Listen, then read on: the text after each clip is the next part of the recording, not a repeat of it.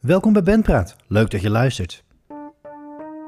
Ik ben Timo en vandaag duiken we in het muzikale verhaal van het Leidse duo Kiwi Club. Met gitarist Chris en de man achter de vele knoppen, ofwel loops en beats door Giel, gaan we terug naar het begin. Horen we over online live sessies tijdens lockdowns, horen we meer over hun popronde avonturen en uiteraard meer, heel veel meer. Laten we snel gaan luisteren. Heel veel plezier met de Kiwi Club.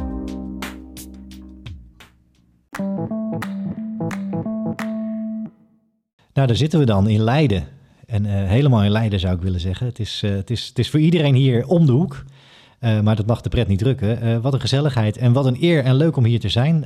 bij Giel en Chris, ofwel bij de Kiwi Club. Dank dat ik hier mag zijn, allereerst. Hey, um, ja, nee, we gaan de, uh, de, ja, zoals gebruikelijk, en de luisteraar zal dat inmiddels weten, die dit vaker luistert, die vaker naar bandpraat luistert, die zal weten dat we met een band de tijdlijn een beetje willen volgen om, uh, ja, om te bekijken uh, waar jullie dan vandaan komen, wie jullie zijn en hoe dat dan zit, dat verhaal met die Kiwi Club. Um, en volgens mij moeten we dan naar 2019, de zomer van 2019, dat er in nou ja, het beroemde Leidse Cubus een soort van voorprogramma show gespeeld wordt waar Giel en Chris ineens samen op het podium staan, nog zonder naam volgens mij zelfs, maar om eens wat dingen te gaan proberen. En Giel, volgens mij beviel dat. Ja, nou, het verhaal begint eigenlijk veel eerder. Want um, um, uh, Chris ken ik, eigenlijk kende ik Chris niet. Um, maar Chris die was een muzikant uh, uit Leiden en die maakte persoonlijk muziek onder de naam Leid Me Lizard. En uh, nou, ik was ook bezig met, met muziek, met mijn eigen tracks aan het maken. Toen nog onder een project dat heette Benenpakt. Um, en ik vond één plaat van hem vond ik erg leuk. Um, in zodanig ik dacht van, hé, hey, daar kan ik wat mee, maar er moet wat meer tempo in. Dus toen had ik hem een berichtje gestuurd. En, en na een paar weken kreeg ik wel hier en daar wat antwoord. En dan wilde hij toch wel de, de, de, losse sporen opsturen. En mocht ik beginnen aan een remix. Um, en dat heb ik toen gedaan. En die hebben we toen uitgebracht. Um, en nou ja, dat is een leuke remix geweest. Um, en zo ben ik eigenlijk Chris leren, leren kennen. en ja, en toen bedachten we, laten we maar een keer gewoon gaan jammen. Hè? Want dat doe je wel eens met andere muzikanten. Ja. Um, zodoende. Ja. Ja, dus ja, van mijn kant, ik, uh, ja, dat project dat was, was toch een beetje sferisch en traag elektronische muziek. En ja, dan, word je benaderd door, door, iemand die je niet kent en die, die maakt, uh, ja, maakt een beetje melodische techno. Techno, de, dat is niet iets waar ik naar luisterde. Maar goed, hij hield een beetje aan, dus oké, okay, krijg je die tracks. En had hij wat gemaakt en ja, toen gingen we toch eens praten. En eigenlijk wat hij zei van, ja, uh, weet je, toffe muziek die hij maakt, maar het is niet echt een feestje, hè? En um, ja... Nou, die kon je in je zak steken. Ja, ja, dan, ja. daar kan je wel moeilijk over doen, maar Giel had natuurlijk eigenlijk gewoon gelijk. en um, toen zei hij van, wat nou als jij gewoon lekker gitaar speelt en dingen schrijft zoals jij het doet. En ik, ik bouw de beat en ik maak het feestje en doe het uptempo. En lekker. En we zijn gewoon eens gaan jammen met een biertje erbij. En dat bleven we maar doen. En dan, ja, dan schreven we allemaal toch wat concepten, maar die legden we niet helemaal vast. Toen dachten we, ja, laten we het eens een keer op een podium gewoon even doen. En ja, toen een andere show staan, Giel, uh, ja. van een ander project. Dachten we, nou, laten we gewoon een opwarmingsact. Gewoon even, even drie dingen proberen. En uh, ja, dat was leuk. Ja, inderdaad, dat was leuk. En uh, uh, toen was het wel zo dat we nog wel een stuk experimenteler speelden, om het zo maar te zeggen. We waren meer aan het kijken van wat kunnen we een sfeer neerzetten. En want kan af en toe dan een beat inkomen, maar dan kan het ook weer af en toe wat ja, gekkig, experimenteel. Um, ja, ja. Wat, wat, er toen eigenlijk gebeurde was, uh, toen werd ik door jou, Timo, benaderd. Ja. Uh, want je had een festival, jij organiseerde een festival s'avonds in het Rijksmuseum van Oudheden. En je vroeg of, of, ik met Lion met Lizard daar wilde spelen. Maar ik was eigenlijk een beetje klaar met dat live doen, want ik, het was altijd een beetje zweverig en ik kreeg niet heel erg publiek mee. Dus ik zei tegen jou, nou, leuk dat je me vraagt, maar ik heb met Giel nog een nieuw project. Uh, dat is wat levendiger en misschien wat dansbaarder. Kunnen we dat niet uh, live neerzetten? En uh, jij zei ja, is goed. Ja, dat kon. ja. Ja, het leuke is dat, dus voor het eerst overigens ook in, in de podcast, dat ik ongeveer, dat ik, dat ik nou, bij ongeveer het begin van een band in ieder geval aan de zijlijn gestaan heb. ik kan me dat ook nog goed herinneren, Chris, dat mailtje en dat jij gelijk eigenlijk stuurde leuk en aardig, maar misschien past hier bij dat Afrodite Festival in november 2019 beter. Ik ben met iets nieuws bezig, Kiwi Club. Laten we dat doen. Nou, ja, inderdaad. En, en ja, Giel, volgens mij zei jij destijds, we hadden het er net al eh, terzijde weer even over, maar zo herinner ik het me. eh, Volgens mij eh, zei jij dat, dat dat jullie anderhalfste optreden was. Ja, En een filmcrew erbij. Volgens mij ook iets waar jullie eh, heel actief mee werken, overigens met, met het film. Maar daar komen- we straks ook nog op. Maar ik ben ook nog wel benieuwd naar ehm, hè, dat Afrodite Festival en, en ja, die soort van opwarmshow in juni 2019. Dat zijn dan de eerste stippen ja, op de Kiwi horizon, zeg maar, die, eh, die jullie ook eh, bij het publiek in ieder geval ehm, op de kaart hebben gezet. Ehm, daar, ja, Giel, jij zei net, dat vind ik wel interessant. We waren toen een stuk experimenteler. Jij legt dan de beats neer, jij werkt met samples en ja, Chris, jij focus je helemaal op die gitaar en, eh, en op, op het spelen rondom de beats van, eh, van, eh, van Giel. Hoe werkte dat toen eigenlijk? Hoe, ehm, hoe, hoe waren die, die eerste, hè, dat je zei, we hadden drie ideeën liggen. Wat, wat ligt er dan als er een, een, een soort van basis van een, een Kiddie Club track ligt? Ja, dan, bijvoorbeeld had ik een, een, was ik aan iets aan het schrijven, misschien voor mezelf of zo. En het waren dan een paar akkoorden met een gitaarlijntje. En dan zei ik, hey Giel, dit zijn wat akkoorden. En een gitaarlijntje. En Giel die zet dan meteen het tempo op eh, ja, 128 beats per minute. Zet een kickdrum aan, we zetten wat akkoordjes erin, zoek een synthesizer. Dan gaan we een beetje spelen. En dan ga jij eigenlijk loopjes bouwen, ik ga spelen en dan... Ja, eigenlijk vaak gaat, gaat er eigenlijk dan vanzelf iets tofs gebeuren. Eigenlijk veel vaker dan niet. En, en dan denken mensen, hey, dit, ja, we voelen hier wat. En dan blijven we gewoon spelen. En dan op een gegeven moment hebben we een soort van nummer. Ja, maar ik moet wel zeggen, ik vond deze, die periode wel lastig, want het was één heel leuk. Maar ik had ook ehm, nog wel wat andere eh MIDI-controllers dan die ik nu gebruik. Dat ten eerste. Een veel uitgebreidere set had je toen. eh, Ik had een uitgebreide reset waarbij ik het eigenlijk te moeilijk maakte voor mezelf. En ik had dan wel een idee in mijn hoofd van waar ik heen wilde. Hè, en dat was dan eigenlijk alles aan. En, en, en daar bouwde ik heen door langzaam dingen aan te zetten. En dan eh, andere dingen weer uit te zetten. En zo bouwde ik door naar een climax. En die climax ging dan weer weg door dingen uit te zetten. En zo was ik ehm, aan, aan het improviseren. Hè? En ik had dus wel loopjes gebouwd. Maar of ik nou loopje 1 samen met loopje 3 aanzette... of loopje 2 met loopje 4... maakte in principe niet uit. Want het klopte altijd. Dus dan kan je een beetje spelen, hè, experimenteren met wat, wat, ja, wat, wat is leuk, wat werkt... en eh, waar heb ik zelf zin in ook vooral. Hè? Want het is ook een beetje... Muziek moet altijd een gevoel zijn. ja.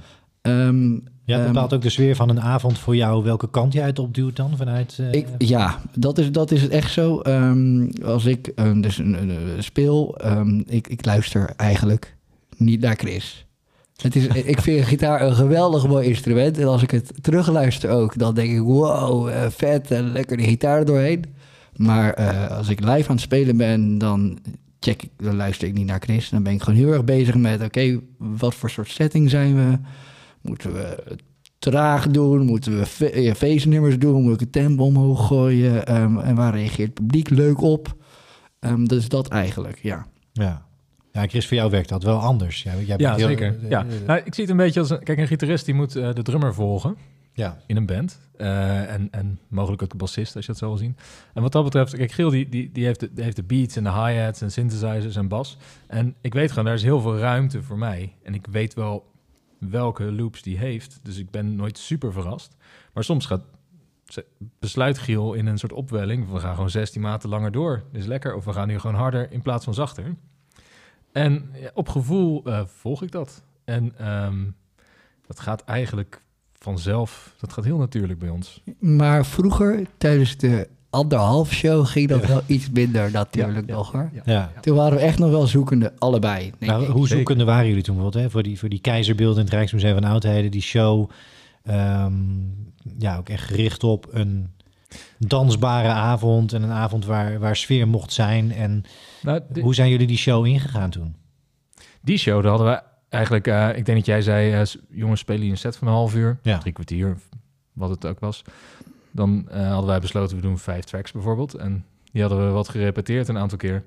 En dat is even belangrijk om te zeggen, we spelen nooit hetzelfde live. Ja, het is altijd een, ook een klein beetje verrassing voor mij wat Giel gaat doen. Binnen een nummer. Ehm, ja, die gingen we gewoon spelen eigenlijk. en dat was leuk. En we hadden een filmcrew en ehm, toen hebben we alle audio opgenomen. We hebben alles geëdit, staat op YouTube. Dus dat was eh, super. Maar ik de- toen waren we eigenlijk aan het spelen. Eh, maar ik denk dat we eh, een hele tijd vooruit moeten eigenlijk. Want eh, heel snel daarna begon COVID. Ja. En na COVID ehm, stonden we ineens op een podium met veel meer publiek. En toen kregen we ineens, wat er toen gebeurde, kregen we ineens interactie van een publiek. En dan zagen we dat bij sommige nummers, dat mensen gewoon hartstikke gingen dansen. En bij sommige wat minder.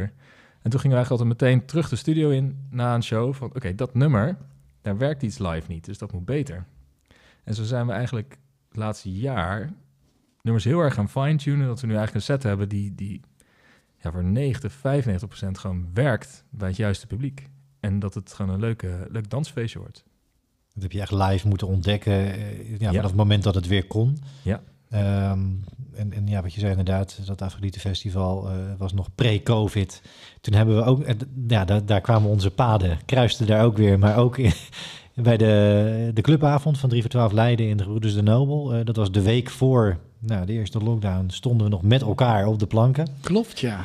Eh, dat was dan jullie 2,5 show, Ja. om het zo te zeggen. Eh, maar ja, dat, dat zijn shows geweest eigenlijk in een soort van ja, aanloop naar wat jullie dan misschien nu uiteindelijk ook echt in hebben kunnen halen.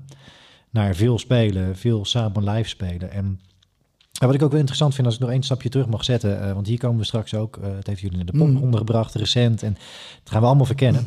Ehm maar Giel, ik, ehm, ik, ik kwam op een gegeven moment een aankondiging van jou tegen, waarin je aankondigde van nou, ik ga dit project doen samen met Chris, eh, Kiwi Club. Dat is mijn nieuwe project, mijn nieuwe band. Ehm, maar het is vooral iets wat we live gaan doen.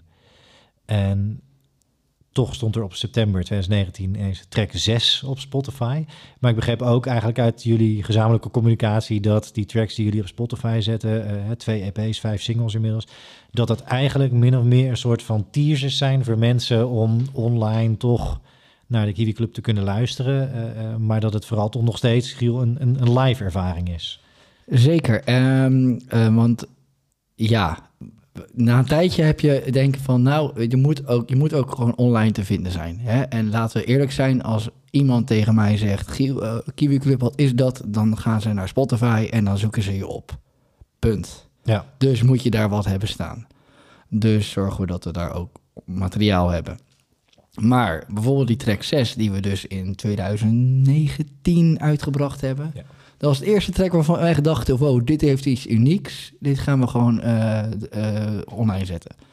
Ehm, hoe we hem nu live doen, is totaal verschillend, als ik het mag zeggen. Ik denk dat misschien het, het hi-hat loopje hetzelfde is. En, en die gitaarsample die ik toen opgenomen had van jou, dat ik die er nog steeds ingooi. Maar voor de rest, er zit een lekkere hardere kick onder. eh, het BPM gaat omhoog. Lekker wat bongootjes erbij om een beetje het ritme erin te houden. ja. Ehm, het, het, Je beeldt het ook uit dat hier spectaculair is hoor. Dat, eh, ja. Nee, maar live is dus, omdat we weten eh, hoe die was, klinkt, hij klinkt super op de plaat. Maar die kick die erin zat, die is eigenlijk heel dof. En als ik die live ga zetten, dan, ja, dan, dan haalt, trekt dat de kracht weg, zeg maar. ja. Dus die, die, die moest weg, live, om het zo maar te zeggen. Ehm, dus ja, we, we doen zeker ehm, platen online zetten waarvan we dan denken van... hé, hey, dit heeft iets unieks.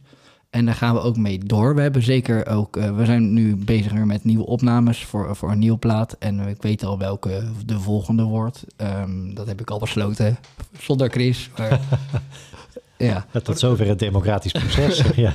Ik, ik ben nog met de gitaarpartijen van, van de, de, de Spotify release van track 2 bezig, die nog niet af is. Maar blijkbaar is Giel alweer met eentje verder.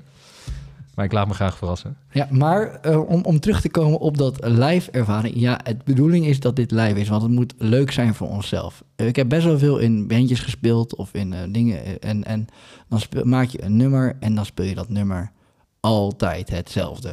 Twintig jaar lang, wij spreken. Want zo is het nummer. Ja. Want zo is het nummer.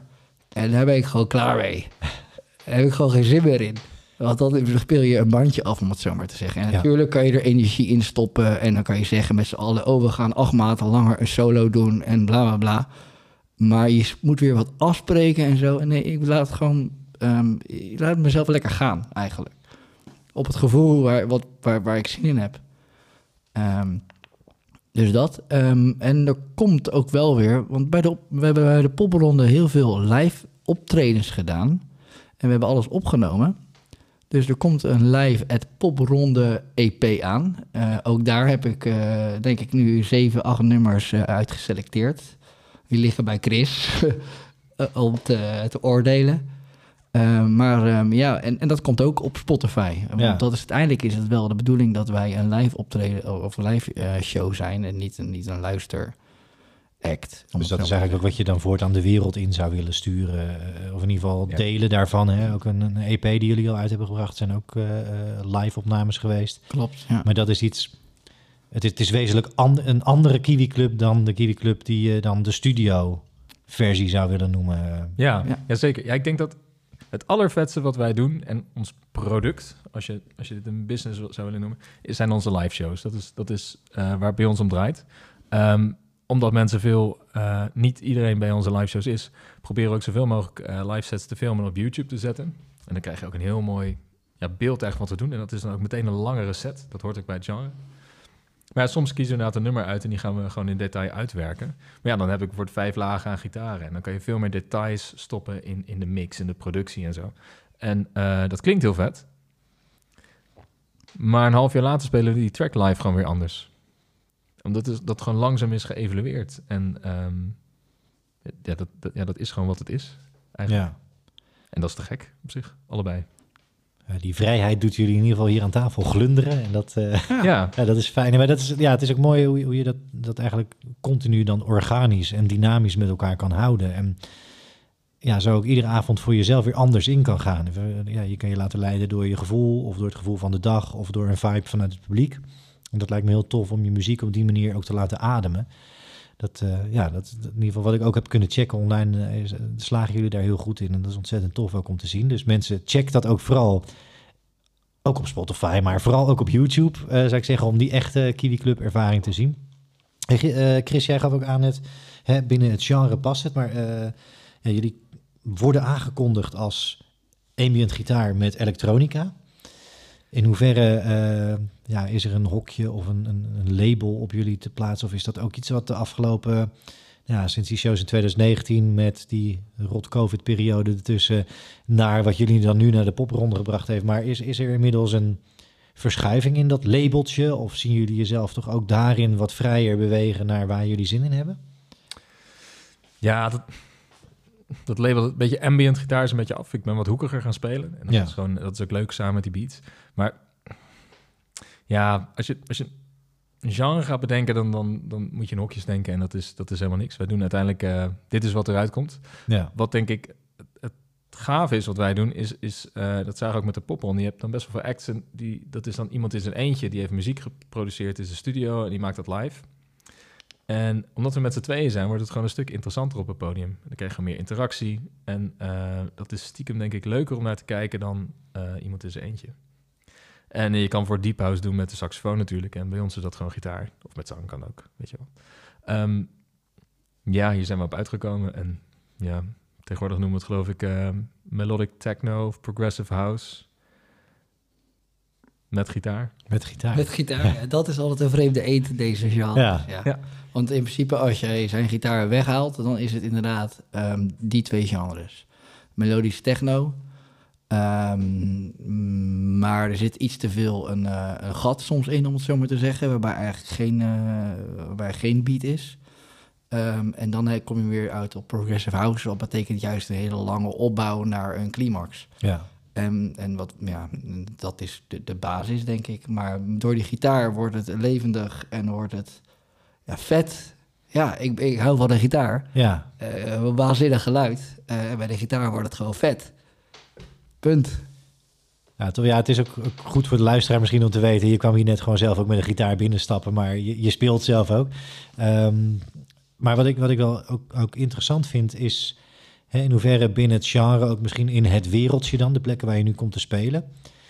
Wordt er vaak raar naar jou gekeken, ook Chris? denk je, Wat komt die gast hier met die gitaar doen? Nog niet, als je een club instapt of... een- Nee, dat eigenlijk niet. Ehm, nee, nee, totaal niet. En eh, omdat mijn setup ook zonder versterker is of zo, vinden geluidsmensen hebben er ook geen problemen mee. Ehm, we springen gewoon podium op, bouwen op in vijf minuten en, ehm, en go.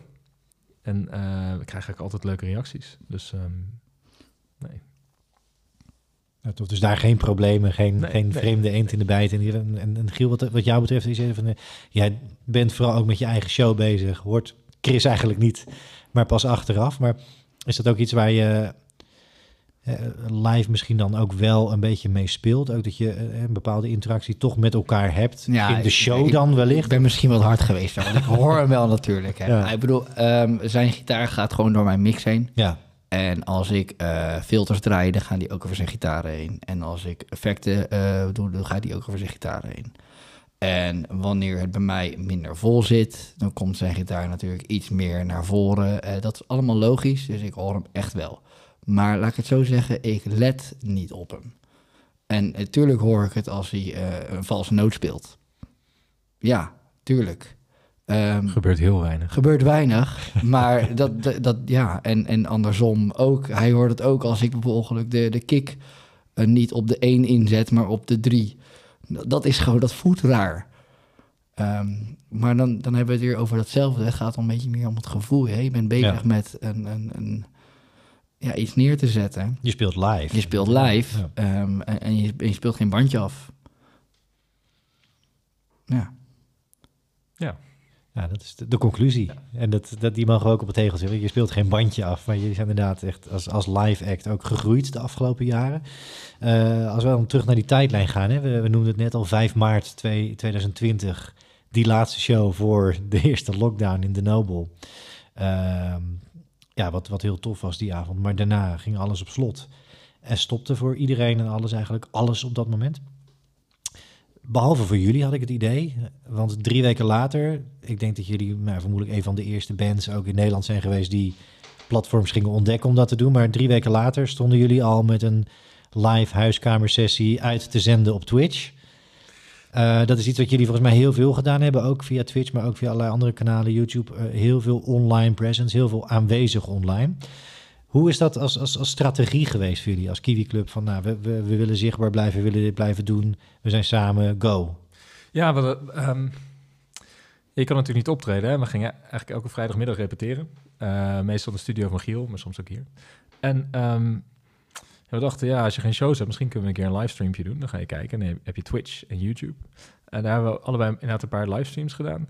Uh, maar toen vonden we uit dat Reddit dus ook een livestream platform had. En dat was eigenlijk veel actiever. En toen zijn we bijna elke vrijdag eigenlijk een livestream van een uur gaan doen.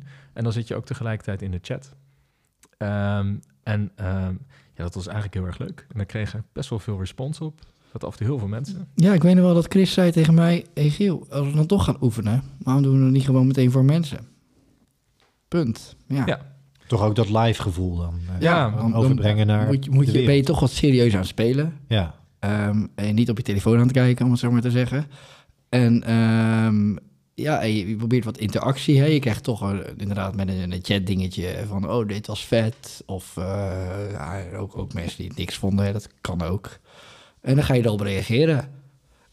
En daag ze ook maar eens uit, zeg maar. En, uh, en, sommige mensen vonden het leuk om dan te vragen over wat voor het apparatuur je gebruikt. Nou ja, en dan uh, vertelde Chris een verhaaltje terwijl ik langzaam het nummertje afspeelde en het ja. volgende nummertje inzette. Ja. Um, een rig rundown. Uh, ja. ja. ja, dat hebben we zeker een paar keer gedaan. Ja, wat een beetje gek is, als wij repeteren en we doen... Uh, al onze tracks hebben gewoon nummers van 1 tot en met... Uh, waar zitten we nu? 26? 25. 25. 25, ja. ja. Dus dan... Giel zegt, ah, we doen even track 2 en dan spelen we die voor 6 of 8 minuten. En dan, oh, nu doen we even track 18. En omdat het niet vast ligt, is het altijd een beetje weer een verrassing wat er gebeurt. Maar als je een publiek hebt, dan moet je meer je best doen. En dan moet het allemaal wel kloppen. En dat was eigenlijk heel goed voor ons. We hebben eigenlijk anderhalf jaar lang uh, hadden we toch een publiek en waren geforceerd om gewoon ja, een set van een uur te gaan spelen en een uur boeiend te blijven. En um, ja, dat, dat was eigenlijk best wel leuk. Ik vind het wel interessant, want er zijn heel veel bands ook in Bandpraat voorbij gekomen die ook wel moeite hadden met dat livestream idee. Daar niet echt er al snel achter kwamen, dit is niks voor ons. Ook mensen die erachter kwamen, seated shows, wat op de duur mocht, dat is niks voor ons. We hebben die energie van het publiek echt nodig. We moeten dat voelen. Die zwetende massa, zeg maar, die moeten we voor ons zien en zien bewegen. Um, in hoeverre slaagden jullie er dan eigenlijk vanuit jullie studio, hè, hier bij jou Chris of bij Giel, eh, om alleen met een oog van één of meerdere camera's dan toch dat live gevoel op te wekken, alleen vanuit die chat? Nou, wat, wat denk ik sowieso, wat eigenlijk niet zo oneerlijk is, eerlijk is vergeleken met andere bands, maar ehm, we runnen alles door een laptop. En er gaat ook, zit ook een virtuele gitaarversterker in. Dus als we Ja. repeteren, hebben we allebei... Alle audio gaat gewoon door een interface en dat is gewoon een stereo signaal. We hebben allebei een koptelefoon op. Dus het is super makkelijk om goede geluidskwaliteit eh, ja, online te sturen. Ja. Dan hang je ergens een webcam op of een GoPro of wat dan ook. En dan, ehm, ja, dan ben je er. Je bent één op één in control eigenlijk zelf, Ja. je geluid. Ja. Dat was gewoon zo makkelijk. Klopt, maar als ik het vergelijk, het is, het is zeker niet hetzelfde als echt live spelen wat we dan de afgelopen tijd gedaan hebben. En, en ook de, de nummerkeuze ehm, of ehm, eh, dingen die je probeert. Ja, het is, je Ja. bent dan toch een beetje gewoon lekker aan het oefenen en eh, het is toch wat tammer. Ja, dat klopt. Ja. Miss- Misschien zijn we het gaan doen omdat we een beetje doelloos waren. Omdat we hadden van tevoren bedacht, dit wordt een live project. Je kan niet meer live spelen. Ja, ga je dan steeds maar repeteren tot de dag weer komt dat je het podium op kan? Ja, dat, ja, dat heeft niet zoveel zin. Ja, misschien was het zoiets. Ja. En eh, het was best gezellig, eigenlijk. Heeft ons veel goed gebracht, denk ik hoor. Sowieso gewoon inderdaad wat Chris zegt, gewoon je moet een uur eh, volmaken. Ook al heb je misschien minder of meer materiaal. Je gaat vanzelf dan ook bijschrijven. Ehm, maar ja, je moet een uur volmaken en je moet het eh, ja, interessant proberen te houden. Ja. Ehm, dus ja, je gaat, je, je gaat weer improviseren eigenlijk. Hè? En dat is leuk. Terug naar de basis eigenlijk. Ja. Ja. Hadden ook één keer ehm, eh, met zo'n Reddit livestream, toen belanden we ook op de frontpage van Reddit.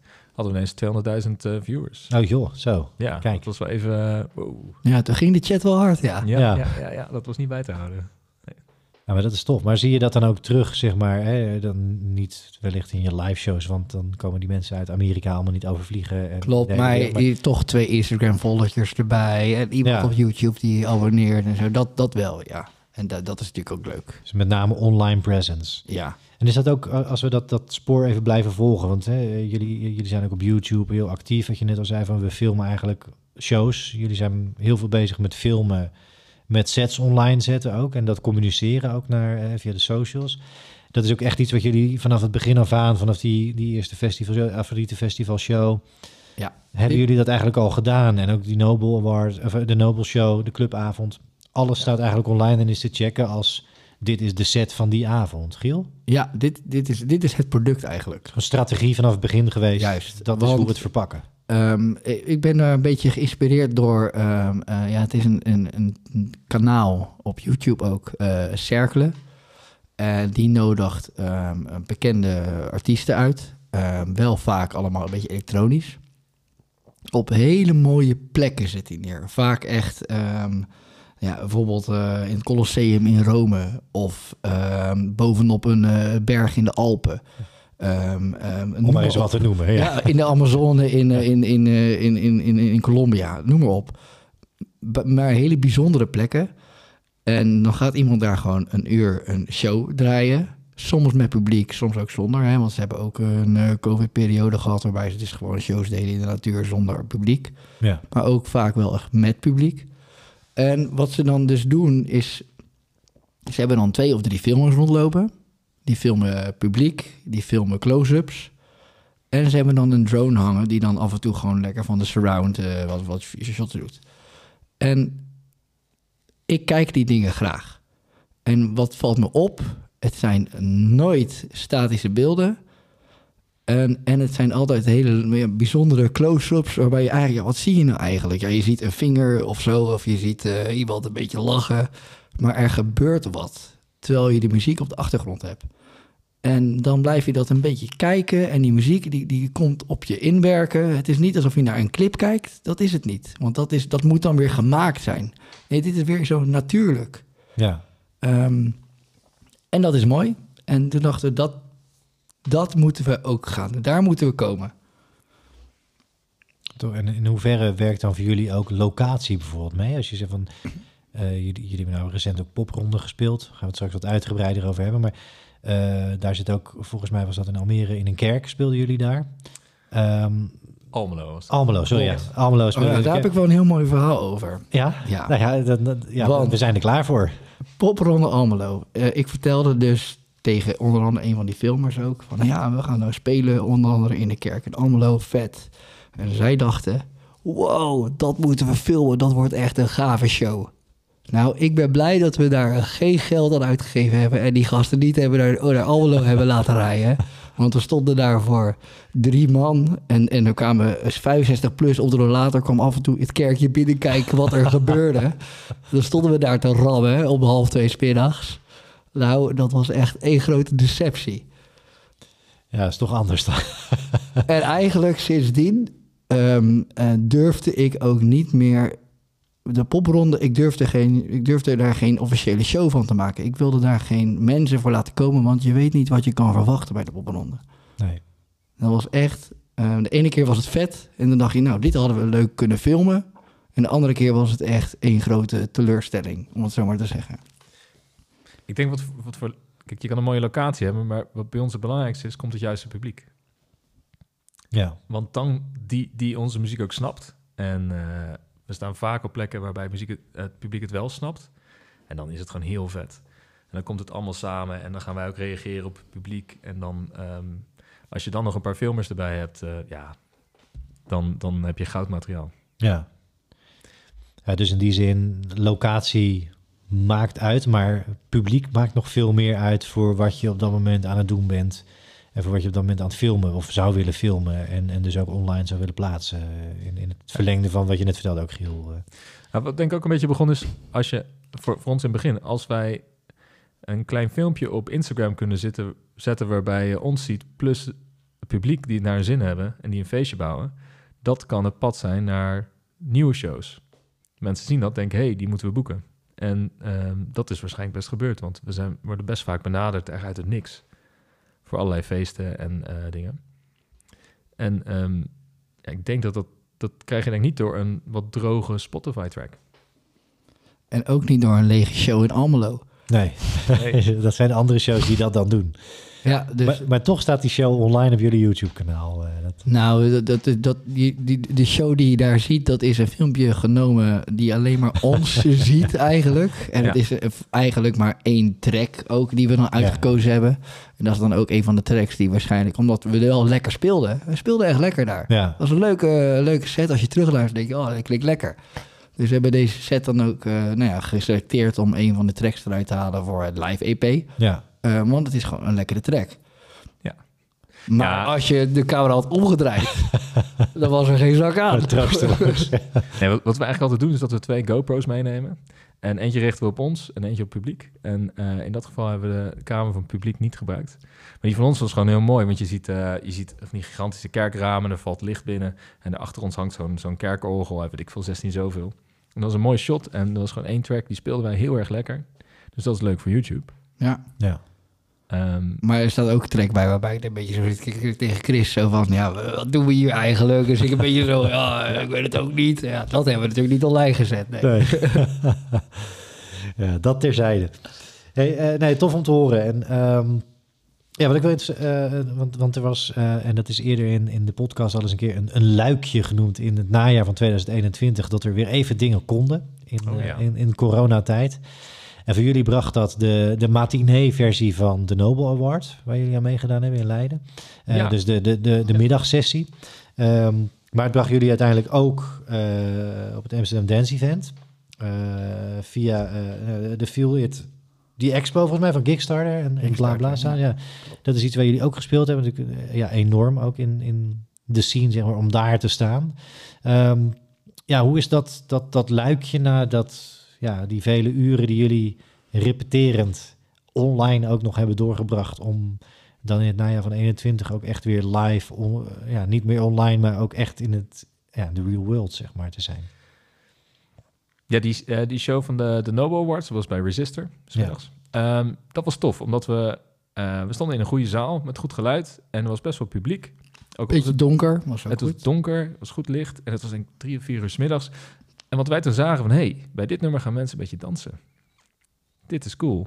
En toen zijn we echt, na die show zijn we heel erg gaan analyseren van wat werkt er en wat niet. En dat is eigenlijk het begin geweest, daar zijn we nooit meer mee gestopt.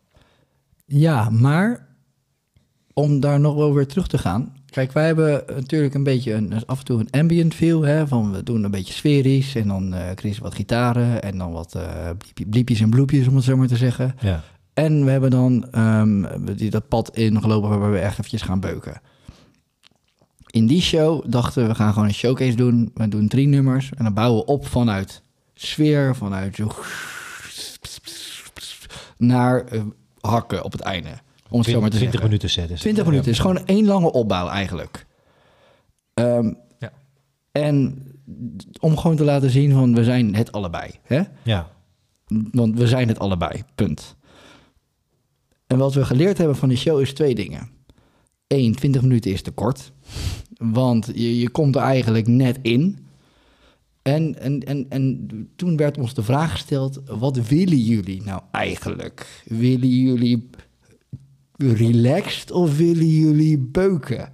En toen dachten we, maar waarom kan het niet allebei? Was dat het juryrapport? Dat was het juryrapport, ja. Toen dachten we, ja, maar we willen juist met dit laten zien dat we, hè, en maar, het is maar, het was maar 20 minuten. Ja, dat is veel te kort voor wat we doen. Het wordt pas leuk na een half uur. Dan- nee, dan- het, is al vet van het begin, Ja, maar, maar- je wordt er ingezogen. Ja, dan, en mensen, dan, pas, zie je dat mensen, het, ook mensen die ons niet kennen, dan worden ze allemaal warm en dan snappen ze het. En dan, dan zie je sommige mensen die beginnen echt te begrijpen wat wij doen. Na ja, een half uur. Ja, wil je daarmee zeggen om even eh, die er dan maar in te gooien dat eigenlijk zo'n wedstrijdshow gewoon niet voor jullie is? Niet voor, dat jullie dat daar gewoon ik ga, aan de lijf hebben ik ondervonden? ga dat niet meer doen. Nee. Ik ga sowieso geen shows meer spelen van ehm, eh, minimaal, ja, minimaal 40 minuten zou ik eigenlijk zeggen. Ja, een half uur schiet ook niet op. Nee. Maar dan waren jullie wat dat betreft in Amsterdam beter op de plek. Dat was best een aardig feest. Eh, dat was inderdaad bij Kickstarter. Dat was tijdens Amsterdam Dance Event. Ehm, dat was leuk. Ehm, ja, dat was ook een mooie plek. Maar dat was wel een jaar dat het niet heel massaal was, om eerlijk te zijn. Eh, en toen ging de wereld ook weer dicht. Ja, Dus ja, vlak voor de volgende lockdown, zeg maar. Was, ja.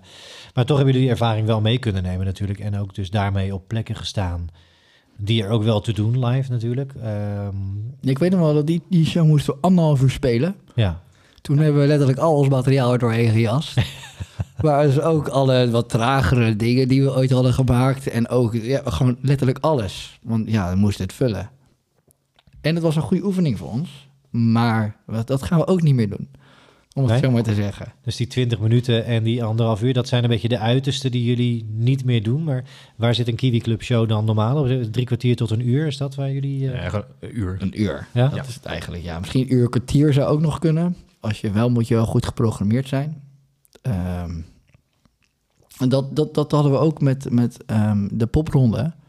Dan, dan werden we geboekt voor een uur en een kwartier. Of zo, of anderhalf uur. Hè? En dan denken we, nou prima, leuk, gezellig. Maar bij de popronde, als je het boekje opent... Ja, we hebben gewoon veel ervaringen van de popronde de laatste tijd. Vandaar dat we erover Ja. Maar als je het boekje tuurlijk, opent, dan zie je alleen starttijden. En dan zie je Kiwi Club half negen. Nou, en elke andere show duurt maximaal 30 minuten. Dus, dus, dus mensen gaan om 9 uur niet meer naar de Kiwi Club. Maar dan staan we wel geboekt voor eh, vijf kwartier. En dan lopen die laatste half uur gewoon leeg. Want ja, die gaan ook weer om kwart voor negen en om negen uur naar de volgende show kijken. Dus ja, het, het kan wel. Maar, dan moet, maar niet op zo'n festival. Zoals dat. Dan matcht het niet met het systeem. Het, matcht gewoon niet, Nee. nee. Ja, wat wel zonde is voor wat natuurlijk een hele toffe Terwijl ervaring bijvoorbeeld moet zijn, in ja. Willem II, dat, wa- toen waren we op de, het eindfeest Ja, van de popronde. En in Willem II, dat is eh Den Bosch. Stonden we op een groot podium, maar alles vanaf 12 stopte en het ging allemaal naar die ene locatie. En daar hebben we een, een set ook gedaan van een uur of een uur en een kwartier. Ik weet het ook niet precies. Maakt niet uit. Dat, ja, dat was En het bleef, gewoon, het bleef gewoon vol en gaan. Een hoogtepunt van de popronde. Dat, dat Ja. was, eh, denk ik wel, de hoogtepunt van de popronde, ja. En, en zo zie je maar weer, het is ook niet, het is ook niet, dat is altijd lastig, want als artiest wil je graag dat mensen komen luisteren en dat mensen het leuk vinden. En dan kan je best wel ontmoedig raken als mensen weglopen. Ja, Maar het ligt ook, wat we geleerd hebben, is dat het niet zozeer altijd aan jou hoeft te liggen. Of dat je iets slecht of goed doet, zeg maar. Het is gewoon de, het event of de samenloop van omstandigheden. Of juist dat je op gewoon verkeerde plek of, of Ja. verkeerde tijdstip bent geboekt. Het, het, het, ik denk dat wat we geleerd hebben eh, van de afgelopen tijd, is dat we echt hebben leren kijken van waar past onze show. En als wij geboekt gaan worden eh, voor de komende zondag eh, op straat, in de Haarlemmerstraat, dan gaan we dat niet doen, want dat, dat, dat heeft geen zin meer voor ons, om het zo maar te zeggen. Ja. Dus dat is echt iets waar je nu in boekingen, maar misschien ook in een rider, in, in contact met podia, met, met clubs, rekening mee houdt van hey, dit is, ja, als je Kiwi Club wil hebben, dan gaan we het Hey. zo doen. We gaan in ieder geval in gesprek van wat, wat voor beeld heb jij van de avond en wat wordt het? En zijn wij dan wel de juiste? Want het moet voor allebei leuk zijn. Ja, Ik ja. denk dat, want Giel en ik die hebben jaren hiervoor in allemaal rock- en punkbandjes gespeeld. En eh, ja, zo begint eh, bijna iedereen. en dan eh, ja, het is lastig om shows te krijgen. Dus je vaak als een, als een kroeg of zo je wil hebben, zeg je gewoon ja. je pakt alles aan. En of je 100 euro krijgt of twee bier of zo, weet je, dat maakt niet uit. Lekker rammen. Ehm, maar ja, wij hebben eigenlijk best wel de luxe sinds een jaar dat, eh, en ja, dat vind ik echt heel erg gaaf dat dat gebeurt, dat we best uit het niets eigenlijk benaderd worden voor, door allerlei mensen en partijen van, hey, wil je hier komen spelen? En in het begin zeiden we ook op alles ja. En dan sta je wel eens plekken waar je eigenlijk net niet, je is een beetje suf of zo. Dan zijn we achtergrondmuziek. Dus wat we tegenwoordig doen, wat Giel zegt, we gaan gewoon goed kijken, wordt dit vet? En doorvragen. En als, dat het, als we denken van ja, misschien niet, ja, dan, dan moet je misschien een andere act hebben. En wat is daar dan de beslissende factor in? Dus je zegt van, wordt dit vet? Wanneer heb je dat gevoel, dit wordt nou, vet? dat is heel snel. eh, dat, dat is eh, welke stad is het? Ehm, hoe laat? Welke locatie? Maar ook een beetje ga je kijken van hebben zij een reputatie dat er mensen op afkomen? Want het heeft niet zoveel zin voor ons om, om ergens naartoe te rijden en voor een lege zaal te staan. En als wij daar gage voor krijgen, dan, ja, dan is het nog steeds niet leuk. Nee. Nee, ja, het moet nog steeds wel die ervaring blijven dat je zelf ook met een energieboost weer de, de auto instapt of de, bus achteraf, of de Jaris instapt volgens mij. eh, ja, om, om weer naar huis te rijden en, en met dat lekkere gevoel weer een volgende show ook in te gaan. eh. ja. Even, even een zijstap, voordat we wat mij betreft echt die popronde in gaan duiken. Ehm, jullie hebben het al, eh, genoemd, track 2, track 16. Eh, jullie hebben een lijst met Mooie tracks. namen, hè? Dat ja, Dat ik, ik, ik vind dat, dat dat triggert mij wel om te vragen. Waar komt dat vandaan? Is dat echt iets van jullie? jullie hebben ja. dat ergens besloten van wij werken alleen met tracks en gaan dat. Hè, eh, Chris, voor jou is Lion Lizard, daar heb je wel gewoon Ja, namen voor, de- voor, voor de tracks. Ehm, Ja, kijk, als, je- als, als je muziek produceert, ehm, eh, en dan heb je gewoon zo'n computer voor de, voor de leken. Je hebt gewoon een computerprogramma, kun je allemaal tracks maken en sampletjes en wat dan ook. En dan, dan bouw je wat en dan moet je het opslaan. En dan moet je een bestandsnaam kiezen. En dat wordt heel snel, eh, worden heel snel nummertjes of de datum of, of wat je maar om je heen zit, want je hebt het nog niet uitgedacht. En ik denk dat bij ons ook zo begon. En ook dan ben je instrumentaal, eh, want wij zijn 100% instrumentaal. Ja, dan ga je, dan kun je wel een titel bedenken die een soort lading dekt of zo voor je gevoel. Eh, dat kan. Ehm, ja, we hadden eigenlijk gewoon track 1, 2 en 3 in het begin, want zo werden ze opgeslagen. En zijn gewoon maar doorgegaan en dat is, dat is ons ding. Ja, ja. inderdaad. En wat wel leuk om te zeggen is, als je de naam geeft, dan wordt het weer definitief. Ja, En zo houden we het gewoon het concept eh, waar we aan kunnen sleutelen en spelen. En wat we al vertelden, ehm, eh, een nummer zoals een track 6, die doen we live eh, ook, maar het is anders. Ehm, en, en, en ja, ja, je kan dan wel... Ja, ik, ik, ik ben soms een beetje allergisch voor die namen. Dan kan je het wel namen geven. eh, Waves of Ocean of eh, Ethereal of eh, Into the Darkness, weet ik veel. Ja, weet je, er zit geen tekst in. Waar, waar baseer je dit op? En iemand anders kan er een ander gevoel bij hebben. Weet je, het blijft... Ja, het blijft gewoon... Het blijft gewoon... Dat is denk ik gewoon lekker makkelijk. Ja, het is praktisch makkelijk, maar je geeft de luisteraar misschien ook gewoon de vrijheid om dat dan eventueel zo'n gevoel daar zelf op te plakken. Nou, het leuke wel tegenwoordig is, dan, dan hebben we shows en dan zeggen ze... Oh, ga, trek 23, trek 23, die is lekker. bordjes omhoog. en het lijkt me prachtig, Timo, als je dan over eh, tien jaar bent of zo. En dan speel je dus een set op een groot podium. Met eh, track 3 en dan track 42 en dan track 21 en dan track 66 en dan nog even 58 erachteraan. Oh ja, dan doen we nog eventjes track 11. ja. Snap Als, je? als toegift gewoon, ook hoor, ja.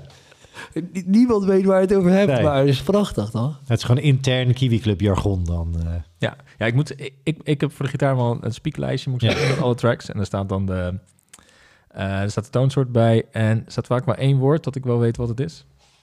Maar ik geloof bij track 23 staat er funky. Ja. En bij 24 staat er bit crusher. Ja. En dat is eigenlijk gewoon het effect wat ik aanzet. Ja, Bijna elke keer dus ja. en daarnaast gewoon gaan. Ja. Tof.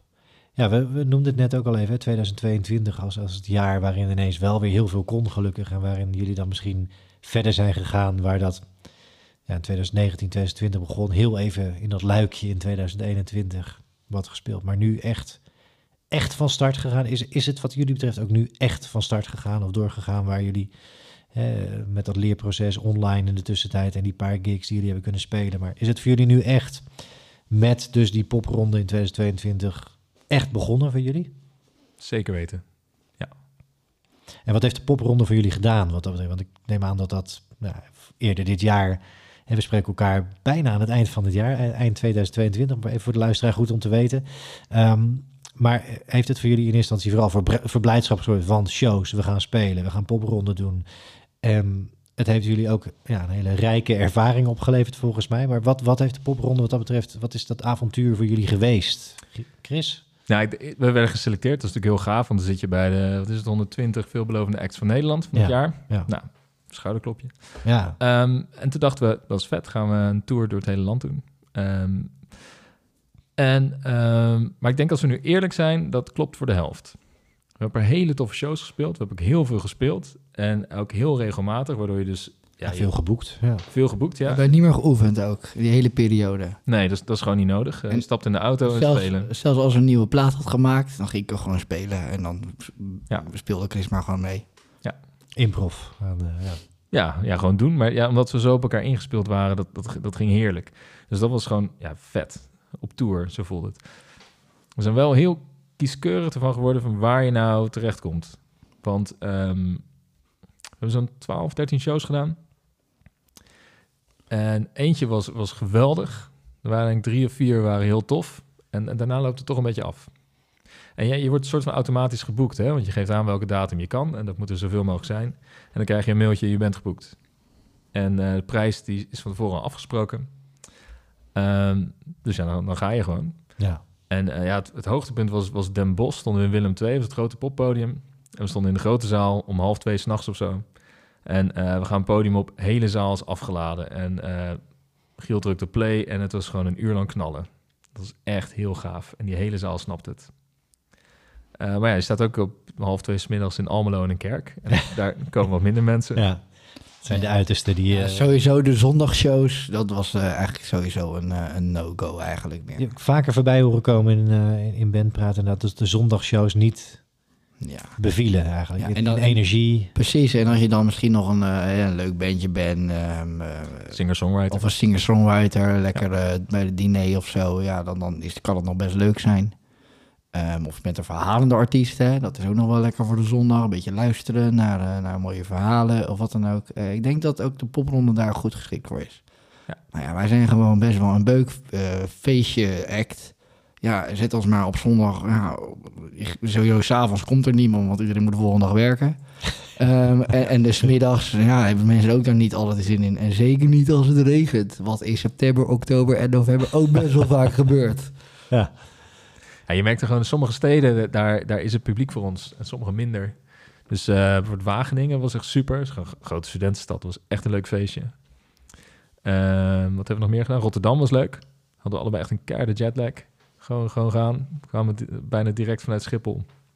En, en go. Ja. Ehm, Nijmegen, ook echt. Ja, een beetje jonger en dus publiek en, en Ja. studenten. En, en, ja, en Ja. dat merken we toch wel. Ja, Breda was ook leuk. Breda. Den Bosch nogmaals. Ja. Ja. Shout-out voor de Bos. Ja. Eh, heb je daarmee, hebben, want we hadden het er net natuurlijk al even over, dat je eh, als band in ieder geval met z'n tweeën hebt, hebt ja, leren ontdekken en leren kennen waar je op zijn plaats bent, waar je wil spelen, kieskeurig kunnen zijn en moeten zijn. Maar heb je ook, ik hoor je nu een paar keer zeggen, jong publiek, studentenpubliek, studentensteden. Heb je daarmee ook misschien het publiek? Hè, Chris, ik heb het met jou, jou al een paar keer horen zeggen, mensen moeten het ook snappen wat wij doen en, en wat ze boeken of wat er staat eh, in, in de zaal op het podium. is dat een beetje ook een ontdekkingstocht geweest van wat, wat jullie dan op moeten zoeken qua publiek? Ja, maar uite- uiteindelijk hebben wij, ehm, en dit is ook echt een wijze luxe positie, ehm, wij worden eigenlijk benaderd. En dan gaan we kijken van, hey, zou, zou dit een toffe match zijn? Ja, Maar ja, wat, om eerlijk te zijn, wat we best wel eens zien is dat het wat jong publiek is, waar we best wel eens wat mensen verdenken dat ze aan de druk zitten. Ja.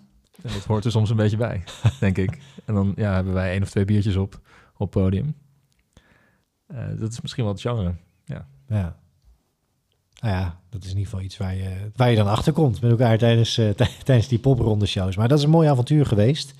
Ehm, nou, we hebben net een soort van ranking ook gekregen. Dank daarvoor, Chris. Van, van topshows tot de shows van, nou ja, die zijn niet voor herhaling vatbaar. Eh, zondagmiddag ook liever niet. Ehm, jullie zijn in de zomer en ook in het najaar ook op andere plekken actief geweest. Hè? Van, van festivals, eh, open lucht tot, eh, tot, tot binnen.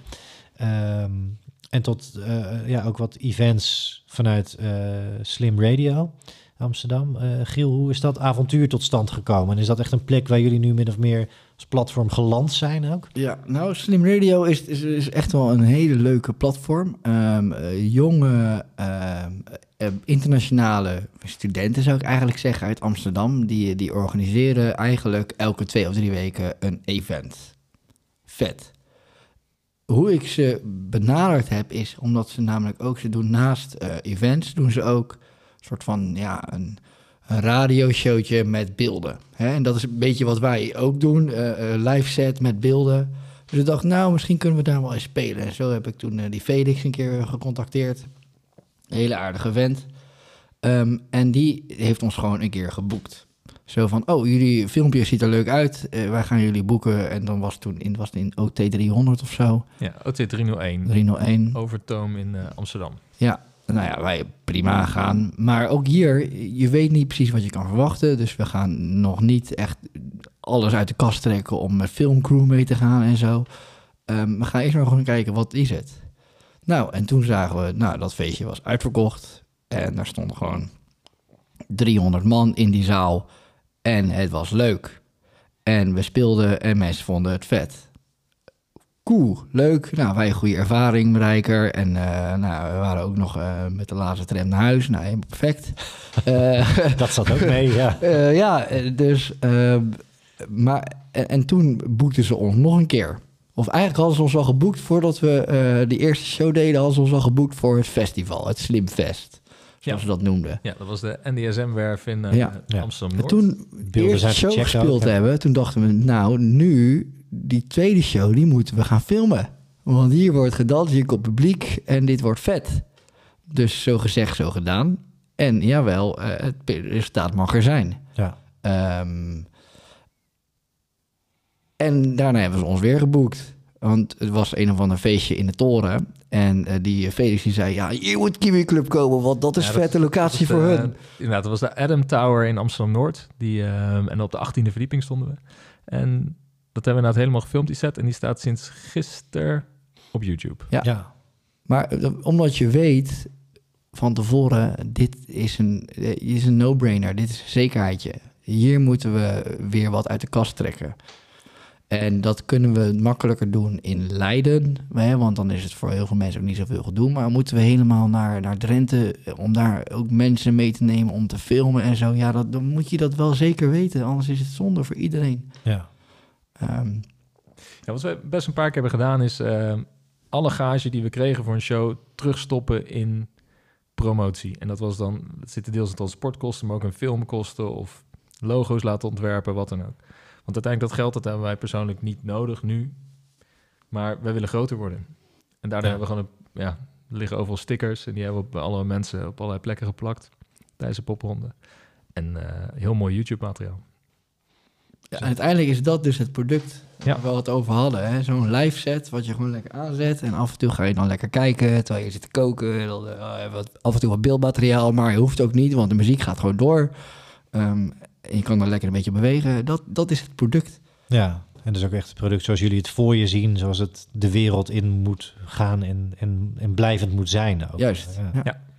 Ja, te gek. Ja, daar slagen jullie ook ontzettend goed in hoor. Dus het is ontzettend tof. Het, eh, En ook het meest recente eh, filmpje inderdaad in de Tower nog, nog kunnen checken eh, recent. Dus eh, nee, dat, het, het, het, het is als geheel gewoon heel tof. En ook iets wat, ja, wat de luisteraar zeker zou moeten gaan checken.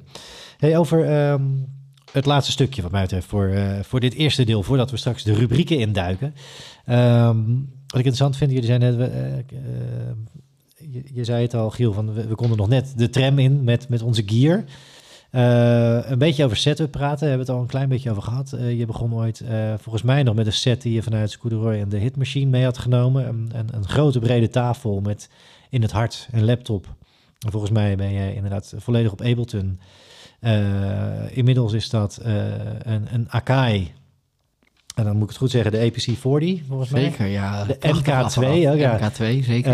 Eh, die staat opgesteld naast een laptop met Ableton dan volgens mij. En ja, daar gaat zelfs Chris Doorheen. vanuit pedalenbord doorheen. Maar hoe, hoe zit dat gear technisch? Je zegt eh, een paar keer al gezegd van eh, we hebben een eenvoudige setup, we kunnen de tram mee in. Het, het is allemaal niet, niet groot en uitgebreid. Maar hoe zijn jullie tot die setup gekomen die eigenlijk dus slanker geworden is dan jullie ooit begonnen zijn? Want Chris stond destijds volgens mij in het RMO ook nog met een, eh, een Volks AC4 te spelen. Maar dat, die is ook verdwenen inmiddels. Maar hoe zijn jullie ook daarin gegroeid? De afgelopen, nou ja, inmiddels toch al drie jaar weer. Ik denk een van de dingen die meespeelt, we hebben vroeger heel veel in bandjes gespeeld. En als je ooit met een bassist speelt die een versterker van twee meter heeft. En een drummer die gigantisch is, dan moet je allemaal tillen en verslepen en zo. En ja, ik heb altijd liefst zo'n klein mogelijke versterker. Dus als je het gewoon kan tillen met twee handen, dat, dat, dat vinden wij denk ik allebei een, eh, een heel groot voordeel. Ja, dat ten eerste. En ten tweede, ook, we willen ook niet meer ehm, uren van tevoren zijn, aanwezig zijn voor een soundcheck. Daar hebben we gewoon geen zin in. Wij weten, eh, we zitten een limiter op die laptop, een gitaar gaat er doorheen. Het komt altijd hetzelfde eruit qua niveau. Eh, je hoeft niks te soundchecken. Je hoeft alleen maar het geluid aan te zetten als geluidsman. En dat vinden sommige mensen heel chill. Want dan kunnen ze gewoon een uurtje achterover zitten, om het zo maar te zeggen. Ja, Maar ehm, we hebben dat allemaal uit handen genomen om gewoon te zorgen dat we één, altijd ehm, hetzelfde product leveren. Hè? Dat is belangrijk. En dat je niet afhankelijk bent van eh, geluidsman of wat dan ook. Eh, en ten twee, dat we niet meer uren van tevoren ergens aanwezig hoeven te zijn en dat je zit te wachten. Want dat is toch vervelend. Ach, urenlang wachten. ja dus eh, daarin hebben jullie het jezelf dan ook makkelijk gemaakt. Zeker. Daar, zit, daar zitten vele uren voorbereiding en ontwikkeling ook in, denk ik. Ja, Ja. precies. En, eh, en uiteindelijk eh, ga je ook een beetje kijken van eh, wat, wat gebruiken andere artiesten hè, in deze eh, genre, om het zo maar te zeggen. En dan komt die Akai toch al vaak naar boven. Eh, omdat het gewoon een goed gereviewd, gebruiksvriendelijk apparaat is. En het heeft alles. Het heeft zowel drukknoppen als draaiknoppen. En het heeft er net genoeg om ermee te spelen. Ehm, kijk, je kan altijd meer knopjes doen. Want je kan altijd meer effecten en filters en zo. Maar de, de setup zoals die nu gebouwd is, kan ik oneindig spelen zonder dat het me verveelt. Ja, Punt. ja, eh, dat punt is gemaakt ook. Eh, eh, Chris, voor jou, eh, eh, ja, als, als, als gitarist moet ik toch ook zeggen dat het altijd wel heel fijn is dat je je eigen sound in de hand hebt. En eh, dat je toch altijd van geluidsmannen nog te horen krijgt dat je te hard staat als gitarist. Dat is ook een soort van zekerheidje. Maar bij jou gaat dat eigenlijk allemaal door, eh, door de setup van, van Giel. Hoe, hoe, Ja. Heb je daar als gitarist echt een stap terug moeten doen? Of voor je zoiets uit handen moeten geven? Hoe, eh, hoe voelt Ja. dat? Ja, daar, daar kan je onwijs een purist in zijn. Hè? Ik Ja. heb hierboven ook eh, een aantal hele leuke buisversterkers staan. En als je die hard zet met een goede microfoon ervoor, nou, is natuurlijk geweldig. Maar dat ding moet je meenemen. En Ja. dan moet je weer soundchecken. En dan ben je afhankelijk van een geluidsman die of die je monitors hard genoeg zet of niet, of wat dan ook.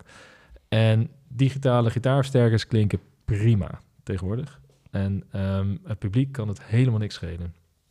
Dus wat we hebben gedaan, ik heb in Ableton gewoon een kanaal. En er staat een eh, virtuele gitaarversterker, gewoon de ingebouwde van Ableton. En die doet een soort van Vox AC30-achtig ding na. En eh, daar prik ik in en ik heb hem altijd heel bord met pedalen bij me. En het belangrijkste is eigenlijk een echo met een tap tempo. Dus ik heb echo's die eigenlijk op de tel herhalen. Super leuk om mee te spelen met muziek. En een gitaar. En eh, Giel kan dus ook nog effecten over mijn gitaar doen met wat knoppen. Eigenlijk over de hele mix. En dan word ik gewoon meegenomen. En eh, ja, dat is gewoon zo makkelijk. Dat gewoon, ik neem mijn gitaar mee en een zootje pedalen op een bord. En eh, dan kunnen we met de trein. En een ander bijkomend voordeel is, met één druk op de knop kunnen we een hele live set gaan opnemen. Met alles opgenomen in Ableton, hebben we alle, alles hebben we los nog. Kunnen we heel makkelijk gebruiken om live EP's uit te brengen of om live video's te maken. Eigenlijk ideaal. Ja. Ja. Ja, want die, eh, die, die, die set die bijvoorbeeld gisteren online gekomen is, ik heb hem één keer doorgeluisterd. Ik heb heel, heel eh, gitaar van Chris heb ik misschien 1 dB harder gezet. En dacht, nou, dat kan wel iets harder. En voor de rest denk ik, nou, klinkt wel lekker zo. Ja, Let's Ja, go. ja. Ja, nee, ik heb ook nog, eh, om- omdat je geluidsmannen zijn bij ons een beetje, soms zijn die er gewoon niet, omdat je, je, je wordt een beetje gezien als DJ. Dus ik heb ook nog in-ears, dat eh, ik gewoon het geluid heel goed hoor, Ja. ik weet wat ik speel. Want Ja, want jij bent echt afhankelijk van, van die Zeker. beat ook natuurlijk. en we hebben wel eens gewoon geen monitors gehad, dat je gewoon niks hoort. Eh dat was een keer bij een studentenfeest, dat iedereen dronken was en in een eh, toga liep. dat was van, van SSR, dat is ook echt heel leuk, trouwens. In Leiden. Ja. In Leiden, ja. Ehm, ja, dit is, gewoon, dit is gewoon zo makkelijk. En eh, het publiek vindt het gek. En die maakt het echt niet uit waar je mee aankomt. Nee. We speelden ook in de popronde Rotterdam. Speelden we samen met een artiest die heet Jaro. En eh, echt super mu- muziek. En die is in zijn eentje. Die had een gigantische setup van drumcomputers en synthesizers. Wat uiteindelijk allemaal toch wel door Ableton heen ging.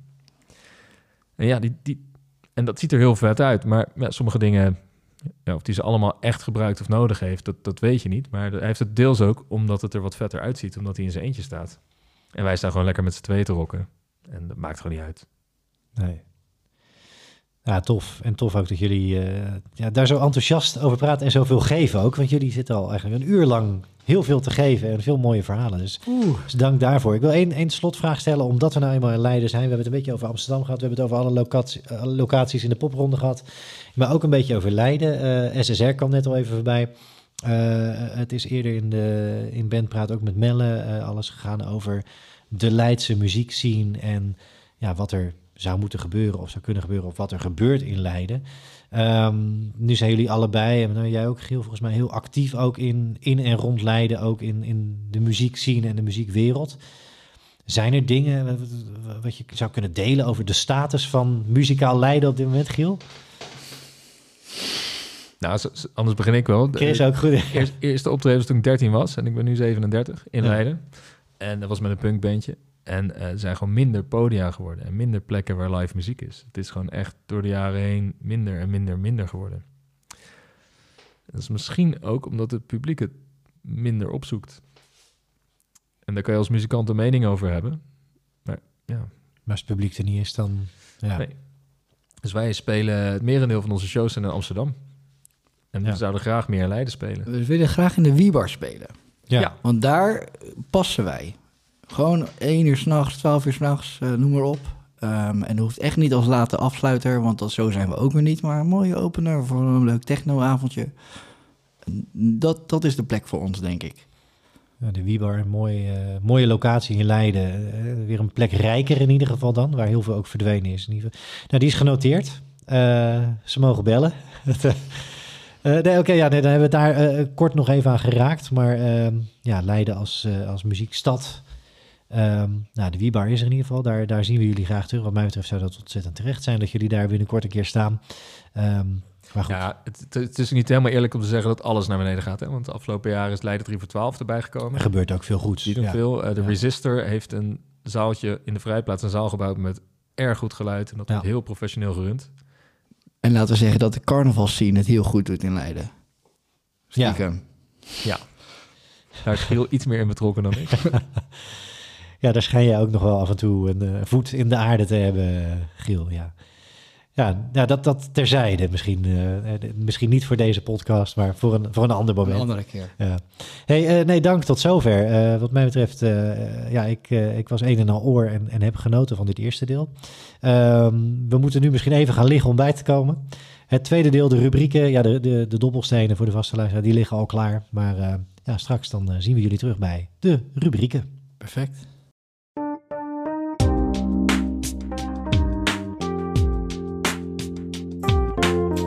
Welkom bij de break. Hey, ben je een band of ken je een band? Mail dan naar bandpraatpodcast.gmail.com en dan kijken we wat we kunnen doen. Daarnaast, hartjes in alle kleuren, reviews. Het helpt enorm om Bandpraat op de podcastplatforms onder de aandacht te brengen. Dus als je wil helpen, Laat even een hartje achter, schrijf een review, het helpt en dat waardeer ik enorm. Daarnaast, Bandpraat is op alle socials aanwezig, Twitter, Facebook, Instagram. Dus volg ons daar en ja, zoals gebruikelijk, spread the word. Ik zou het heel erg waarderen en ik vind het altijd tof en leuk en gezellig om te horen wat je van de podcast vindt. En ook als je tips of suggesties hebt, feedback, de helpdesk is geopend, het helpt. Thanks! Hey, nu snel weer verder. Nou, we zijn bijgekomen van, uh, van dat eerste deel, dat, dat goede uur gevuld met verhalen uit ja, de, ja, niet de hoge hoed, maar gewoon uit de, de bak met ervaring die jullie uh, nu hebben. Chris en Gil, dank daarvoor. Uh, Chris, ook veel dank voor de, de gastvrijheid. En voor het, uh, ja, het schaaltje chips wat we hier net ook mochten nuttigen. En de, de biertjes, het water, alles is weer bijgevuld. We zijn op de fiets vanavond ook. Dat kan hier allemaal in Leiden. En ja, jij bent gewoon thuis, Chris. Dus dat, dat scheelt ook weer. Maar, maar dank voor je gastvrijheid ook. En, ja, tuurlijk. Leuk fijn om hier te zijn. Hier te hebben. Mooi, nou ja, iedereen blij en blij die, uh, die rubrieken in. Want dat is waar we nu naartoe gaan. Uh, er wachten er weer drie, zoals altijd. We hebben de standaardvragen. De twee dobbelstenen liggen klaar op tafel. Uh, ja, jullie gooien allebei twee keer. En het lot bepaalt welke vraag er aan jullie gesteld gaat worden. Uit die lijst die ik hier voor me heb liggen. Daarna stappen we naar de dilemma's. Vijf stuks in totaal. Het idee is echt rug tegen de muur, zweet op het voorhoofd. Wat kies je? Ik heb een aantal algemene dilemma's voor jullie samen, maar ook zeer persoonlijke dilemma's. En de slotvraag, zoals altijd, de vraag waar jullie in een droomscenario of misschien een heel realistisch stappenplan, wie weet wat jullie hebben. Maar dat horen we straks, waar jullie over vijf jaar denken, willen, hopen, dromen te staan. Uh, maar we beginnen met, en daar hebben we een jingletje voor, de standaardvragen.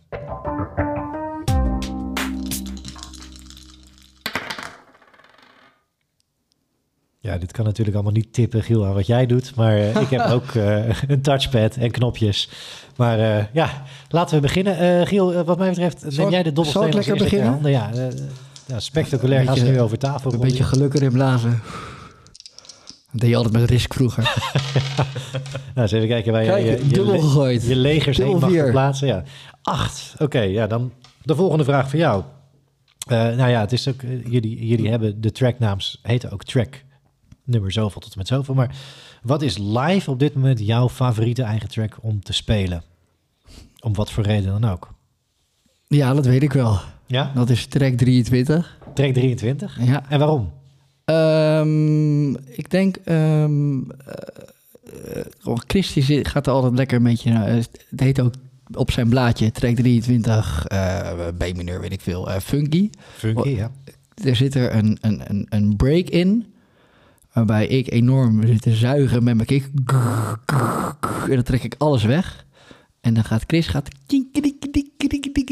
En ik weet niet, het, is, de, de, de, sfeer van het nummer is een beetje vrolijk, maar ook een beetje zielig. Ja, en, en er zitten gewoon wat leuke uh, uh, hoge melodietjes in, die, die een beetje opbouwen de hele tijd. En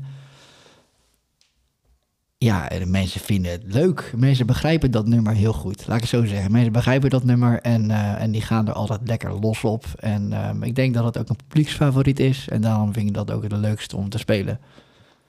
Is dat echt iets waarvan je zegt, dat, dat vind ik zelf het leukste om te spelen eerst? Of is het met name dat je ook ja, in dat live spelen hebt ontdekt dat het publiek daar lekker op gaat ook? Het laatste vooral, ja. ja dus dus ja. het is ook ontwikkeld in die zin van ja. opgeklommen tot jouw favoriete track? Ja, denk het wel.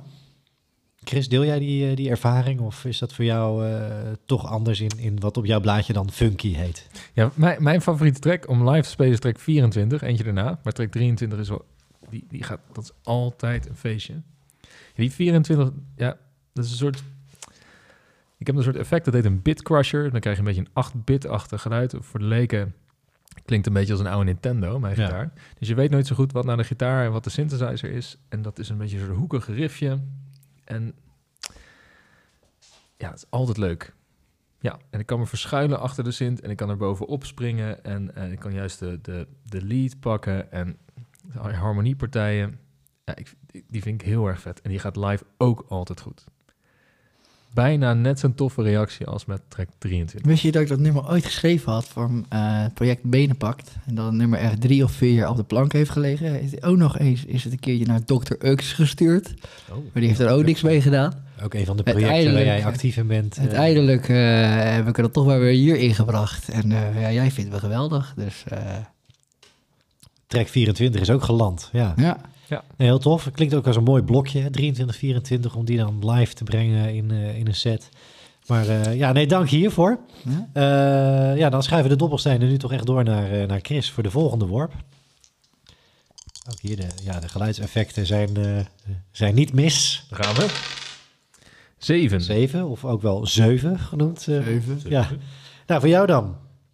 En hier heb ik altijd zin in, in deze vraag. Maar eh, Chris, jij, jij mag kiezen. Maar wat was wat jou betreft jullie meest bizarre of gênante gig die jullie hebben gespeeld? Het mag dus bizar en of gênant zijn. Meest gênante. Ik weet er wel. Jullie hebben er veel gespeeld natuurlijk, met name dit jaar, 22. Ja, dat, ja, ik, ja, ik denk toch de, de- ik denk de kerk in Almelo. Die Eh, voorbij gekomen is. Die, Ja, ja. want er, er kwam op een gegeven moment iemand met een rollator binnenrijden. en die ging ook gewoon weer weg. Ja, dat was hem niet. En, en na ons kwam een rapper, die kwam op straat en tegen. Die zei, oh, oh eh, ik speelde gisteren in een koffieshop. Dus, nou, succes man. Ja, dat was dus... een- Maar we speelden lekker, dus mm, ik ben benieuwd wat Giel te zeggen heeft nu. Heb, heb jij dezelfde locatie? eh, Zeker voor- niet, nee. Nee? Ik weet er wel dat we een keertje speelden bij dus eh, SSR-feestje. Oh ja. En dat eh, Chris eigenlijk niet, eh, zichzelf niet hoorde. Dus hij had zichzelf eh, zo zacht gezet, zodat hij ook niks fout kon doen. Ehm, en, heel, dat, heel en, veel galmen en, aangezet. en er ja. kwam iemand naar hem toe en die zei ook, vette basgitaar. Daar sta je dan, als gitarist. ja, die was licht gênant, ja. Ja. Het was trouwens wel een leuke avond. Dat was een hele leuke avond. Iedereen ging helemaal los. Ja, Ja, hoe dat op dan... Een, een, het is meer een, een gênant voorval dan, in, in die zin. nou ja, interessant. Maar eh, ja, dus aan de ene kant, hè, eh, SSR door... Je hoort jezelf niet, je draait jezelf maar weg... en je wordt eh, ja, ook nog eh, gigantisch onheus bejegend... omdat dat je een bassist genoemd wordt. nou ja, goed, ik weet niet hoe we dat moeten zeggen... maar eh, je wordt in ieder geval... Ja, dat raak je diep in je hart natuurlijk. ja, Goed dat is. maar goed, terzijde. Uh, maar de andere kant is dus met name die, het was de doopsgezinde kerk volgens mij in, in Almelo, Ja. waar je gewoon eigenlijk voor vrijwel niemand staat te spelen, dat er iemand met een rollator om de hoek komt kijken, die erachter komt dat ze verkeerd is en, uh, en de deur weer uitloopt. Ja, en uh, Almelo is een, is een stuk rijden vanuit Leiden. Ja. Ja. Nou, daarmee is alles gezegd. Dat, uh, dankjewel, Chris. Uh, ja, dat was jouw eerste worp. Spectaculair wat mij betreft. Uh, Giel, de volgende, de tweede ronde voor jou. En die moet ik niet 7 of 8 gooien natuurlijk. Of mag ik dan nog een keer gooien? Ja, mag je gewoon nog een keer gooien. Eindeloos Ja, door. zes. Zes. Jullie blijven We bouwen mooi, af. ja, precies. Precies. Bijna straat. Ja. ja, je hebt net Wiebar al gezegd, maar waar, uh, Giel, zou jij met Kiwi Club ooit nog willen spelen? Ik vind het een lastige, want de, je laatste vraag, die heb het al een beetje genoemd, die, is, die, die, die raak je natuurlijk licht aan. Hè? Um, maar um, als ik het zo mag zien, je weet, we hebben verteld over het product. Het ja. product is eigenlijk een, uh, een, een, mooie live video's. Um, ik zou wel door Cercle geboekt willen worden. Tof. Ja. En dan uh, maakt het niet uit wat voor locatie, want ze zijn allemaal. Ja, dat zou een vervolgvraag zijn, inderdaad. Ja. Dan liever in Amazone of in het Colosseum. Hmm. Of, maar dat heeft geen voorkeur. Nou ja, misschien heeft Nederland ook wel dat soort mooie plekken. Uh, misschien uh, op de toren in, in, op de Dom in, in Utrecht of Kinderdijk. noem maar wat, iconische dingen. Um, er, er, zijn vast wel mooie plekken te vinden in, in, in Nederland ook. maar mochten we overgevlogen worden naar ja, Argentinië ook prima natuurlijk. Ja, hè? Dan zeg je geen nee. ja. Nee, toch, ik vind het ook interessant om te horen. Ik zeg, wij zou je ooit willen spelen, dat dat niet dus per se een podium of een locatie is. Ja, die, een geëikte uh, locatie voor een optreden van een band. Maar dat het wat jou betreft dus echt dat platform is waarmee je kan doen. Hè, waar je eigenlijk verliefd op geworden bent. Vanuit dit kan, moet wat mij betreft de Kiwi Club ook worden. Juist dat, uh, ja, dat idee van spelen live met publiek, maar ook met alles erop en eraan. Goed geluid uh, en video erbij voor uh, ja, ook de duurzaamheid, zeg maar. Mm -hmm. Dat het gewoon tot in de eeuwigheid kan blijven bestaan. En voor thuis om het te beleven en te ervaren. Ja. Mooi. Nou, mooie gedachten en mooie, ja, mooie wens die je uitspreekt eigenlijk ook. Ja. Ehm, daarover gesproken van naar Argentinië vliegen. Hebben jullie internationale ambities? Even om eh, nog een verdiepingsvraag te stellen. Kijk, ja. Kijk, eh, luister, al- als dit ons leven overneemt en het wordt supergroot, natuurlijk, heel vet. Eh, is dat realistisch? Mm, Nou ja, het is een be- beetje de loterij winnen. Ehm, maar volgens mij wilde je later nog eens over onze toekomstplannen. Ja, Praten. Ja, raken we hier dan aan? Ja, Ja, ja, raken we hier dan aan. Maar daar, Kan- daar willen we, kunnen we best wat over zeggen zo. komen we straks dan inderdaad op terug bij, bij de slotvraag. Nee, dank eh, Giel voor deze tweede worp. Ehm, ja, Chris, dan is het ook voor jou, eh, voor jouw tijd voor de, de tweede. Kijken of je vijf, Vijf, gaat gooien. vijf. Ja. Doe mijn best. Heel veel druk ligt er nu op je. Nou, dit is, Ah, Ja, nee. hij past ook wel weer in het dit, rijtje. is, dit is wel een vijf zo. Met wat, met wat hulp van jouw hand. ja. Nee, Chris, ja, voor jou dan negen. Ehm, ja, je hebt, je hebt wat dat betreft eh, in bands eh, eh, een enorm track record. Je hebt een, een goede geschiedenis in het spelen in bands. Maar wat zou nu voor jou als, nou, laten we zeggen, ehm, gevorderde professionele muzikant... ehm, je ultieme tip zijn voor beginnende bands, beginnende muzikanten die in een band gaan spelen? Wat zou voor jou nu Hè, even bandpraat als platform voor andere bands. Wat zou jouw ultieme tip zijn? Ja, ultieme tip is, en dit ben ik vanaf jongs aan eigenlijk al gaan doen, is leer ook opnemen en produceren.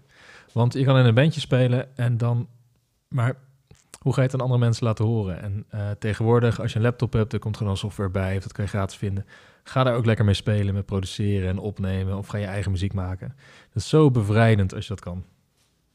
En dat duurt gewoon lang om dat goed te leren. Giel en ik zijn dat pad eh, allebei doorgegaan. En het duurt gewoon jaren voordat je echt iets moois neer kan zetten. Dus begin daar ook gewoon heel jong mee. En wat moet het wat jou betreft daarin echt als belangrijkste ook toevoegen? Maar het leren produceren is, hoort daar ook bij. Dus het leren luisteren naar jezelf. Het leren luisteren naar de muziek die je maakt. De partijen die anderen spelen in een bandproces. eh, De muziek als geheel leren begrijpen. Wat, wat, wat zijn daarin zeg maar, de, de haakjes die je zoekt? Of die je hoopt te vinden? Of die jij gevonden hebt? Nou, wat bij mij maar was, was ehm, ik ben gitarist van huis uit. Ik kan voor totaal niet zingen. Nummers schrijven een beetje. En eh, dan ben je altijd afhankelijk van de rest van je band. Maar als je ook leert opnemen of jezelf leert opnemen, dan ben je dat niet. En dan kan je gewoon echt complete muziek maken. Of je kan je band gaan opnemen en een studio is gewoon hartstikke duur. Ja. Ehm, en voor in de rap zie je dat heel veel. Hè. Dat zijn al, al jarenlang zijn dat goedkope home studio's en gewoon eh, een paar beats en eroverheen rappen. En meer heb je niet nodig. Ja, ik zou leer je instrument, maar ga ook lekker jong eh, leren opnemen en produceren. Mooi. Nou, goede tip. Mooie tip, die ook nog niet eerder voorbij is gekomen. Dus eh, ja, die, eh, die mogen we collectief in onze zak steken hier. Dus dank. eh, Ik ben ook wel benieuwd wat Giel dan zou zeggen. Eh, nou, ik wil het eigenlijk wel iets, ehm, ja, oppervlakkiger houden. Je moet gewoon plezier maken, eigenlijk. En of je dat nou met vrienden doet, eh, terwijl je lekker bier zit te drinken en je doet eens per jaar een showtje en je vindt het helemaal prima, eh, voilà. Eh, muziek is gewoon verbindend, maar je moet het gewoon vooral leuk vinden. En als je uiteindelijk gaat beginnen met opnemen en je vindt het niet leuk, overal gaan stoppen en niet doorgaan. Ja, weet je, Ja. je moet doen wat bij je past. En sommige mensen die vinden alles leuk en andere mensen die vinden iets heel specifieks leuk. Ça va. Eh, maar vooral plezier maken, denk ik. Ja, dus plezier als basis überhaupt van wat je doet. Van het maken van muziek. eh, of je dat nou alleen doet of in een collectief, in een band. Dat je daar in ieder geval plezier in vindt. En dan van daaruit kan het produceren, het leren produceren ook, ook beginnen om, om jullie beide tips dan aan elkaar te lijmen, zeg maar. Dat, Ja, dit, dit is denk ik wel een leuk verschil tussen Giel en mij. Dat, eh, bijna alle projecten waar ik in zit, daar ben ik heel serieus over. Want ik maak graag serieuze muziek. ja. En ehm, dus, dus ik ga er ook altijd echt heel serieus voor. En Giel die, die, die wil ook gewoon een feestje bouwen. En dat komt eigenlijk perfect samen bij Kiwi Club. Want het Top. is het gewoon ook een feestje. Maar we nemen het ook allebei heel serieus. En, maar live moet het ook wel leuk zijn. Dus we hebben ook heel veel plezier. Maar het zit wel allemaal goed in elkaar. Nou, dat eh, plus één van mijn kant zou ik willen zeggen. Dat, eh, nee, dat is ontzettend tof. En dank voor deze tips die jullie eigenlijk gezamenlijk met ons, ons gedeeld hebben. En ja, die wat mij betreft heel nuttig en bruikbaar zijn ook voor, eh, niet alleen voor beginnende bands, maar zeker ook voor al wat meer gevorderde bands om eh, ja, in ieder geval mee te pakken. In ieder geval ook altijd bij jezelf, Giel, te blijven eh, ja, checken of je er wel voldoende plezier uit haalt en of wat je aan het doen bent wel ja, dat plezier brengt wat je zoekt. En ja, het produceren, een interessant spoor ook, Chris. Dank je wel daarvoor. Ja, dan zit deze rubriek zit er alweer op. De, de standaardvragen hebben jullie ja, met glans overleefd. De dobbelstenen liggen mooi opgestapeld hier in het midden van de tafel. De ronde tafel die er goed voor was. Die spectaculaire worpen opleverde. Maar eh, ja, nu eh, is het tijd voor eh, zweet op het voorhoofd. Voor de dilemma's.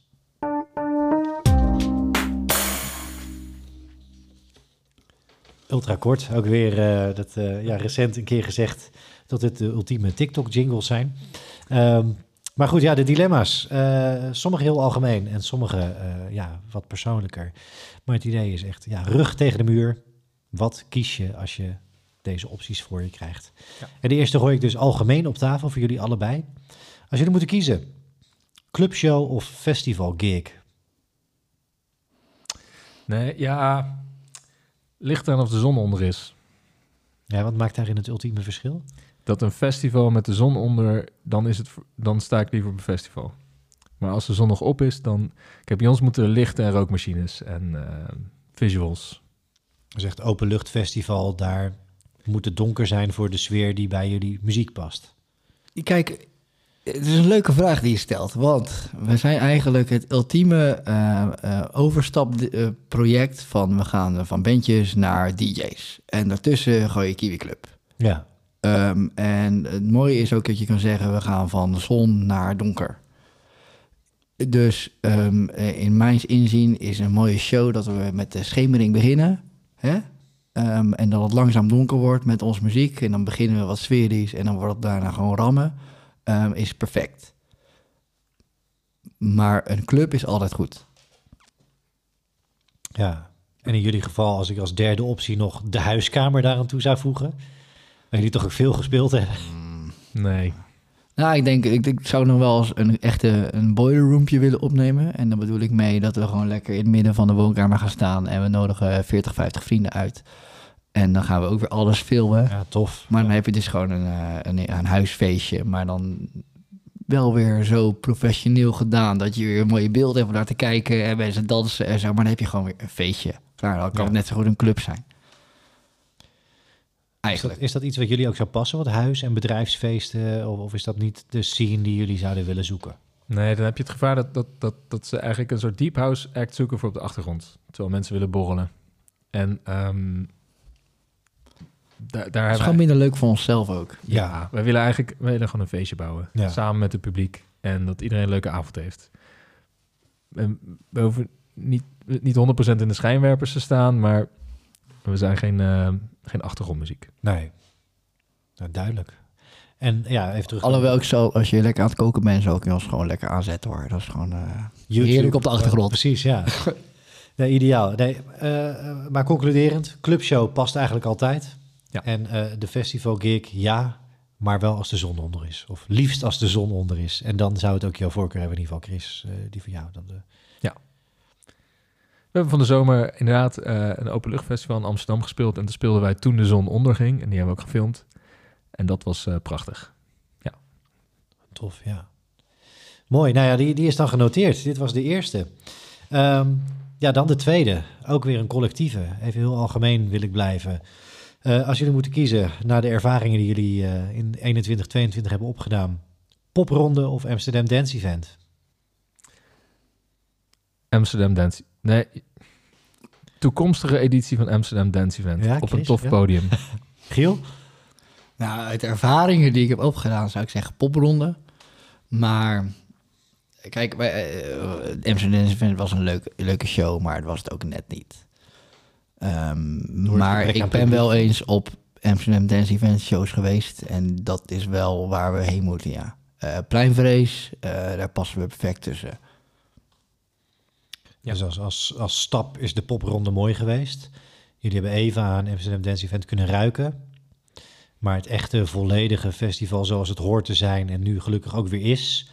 Dat is waar jullie dus als band naartoe willen groeien eigenlijk. Ja.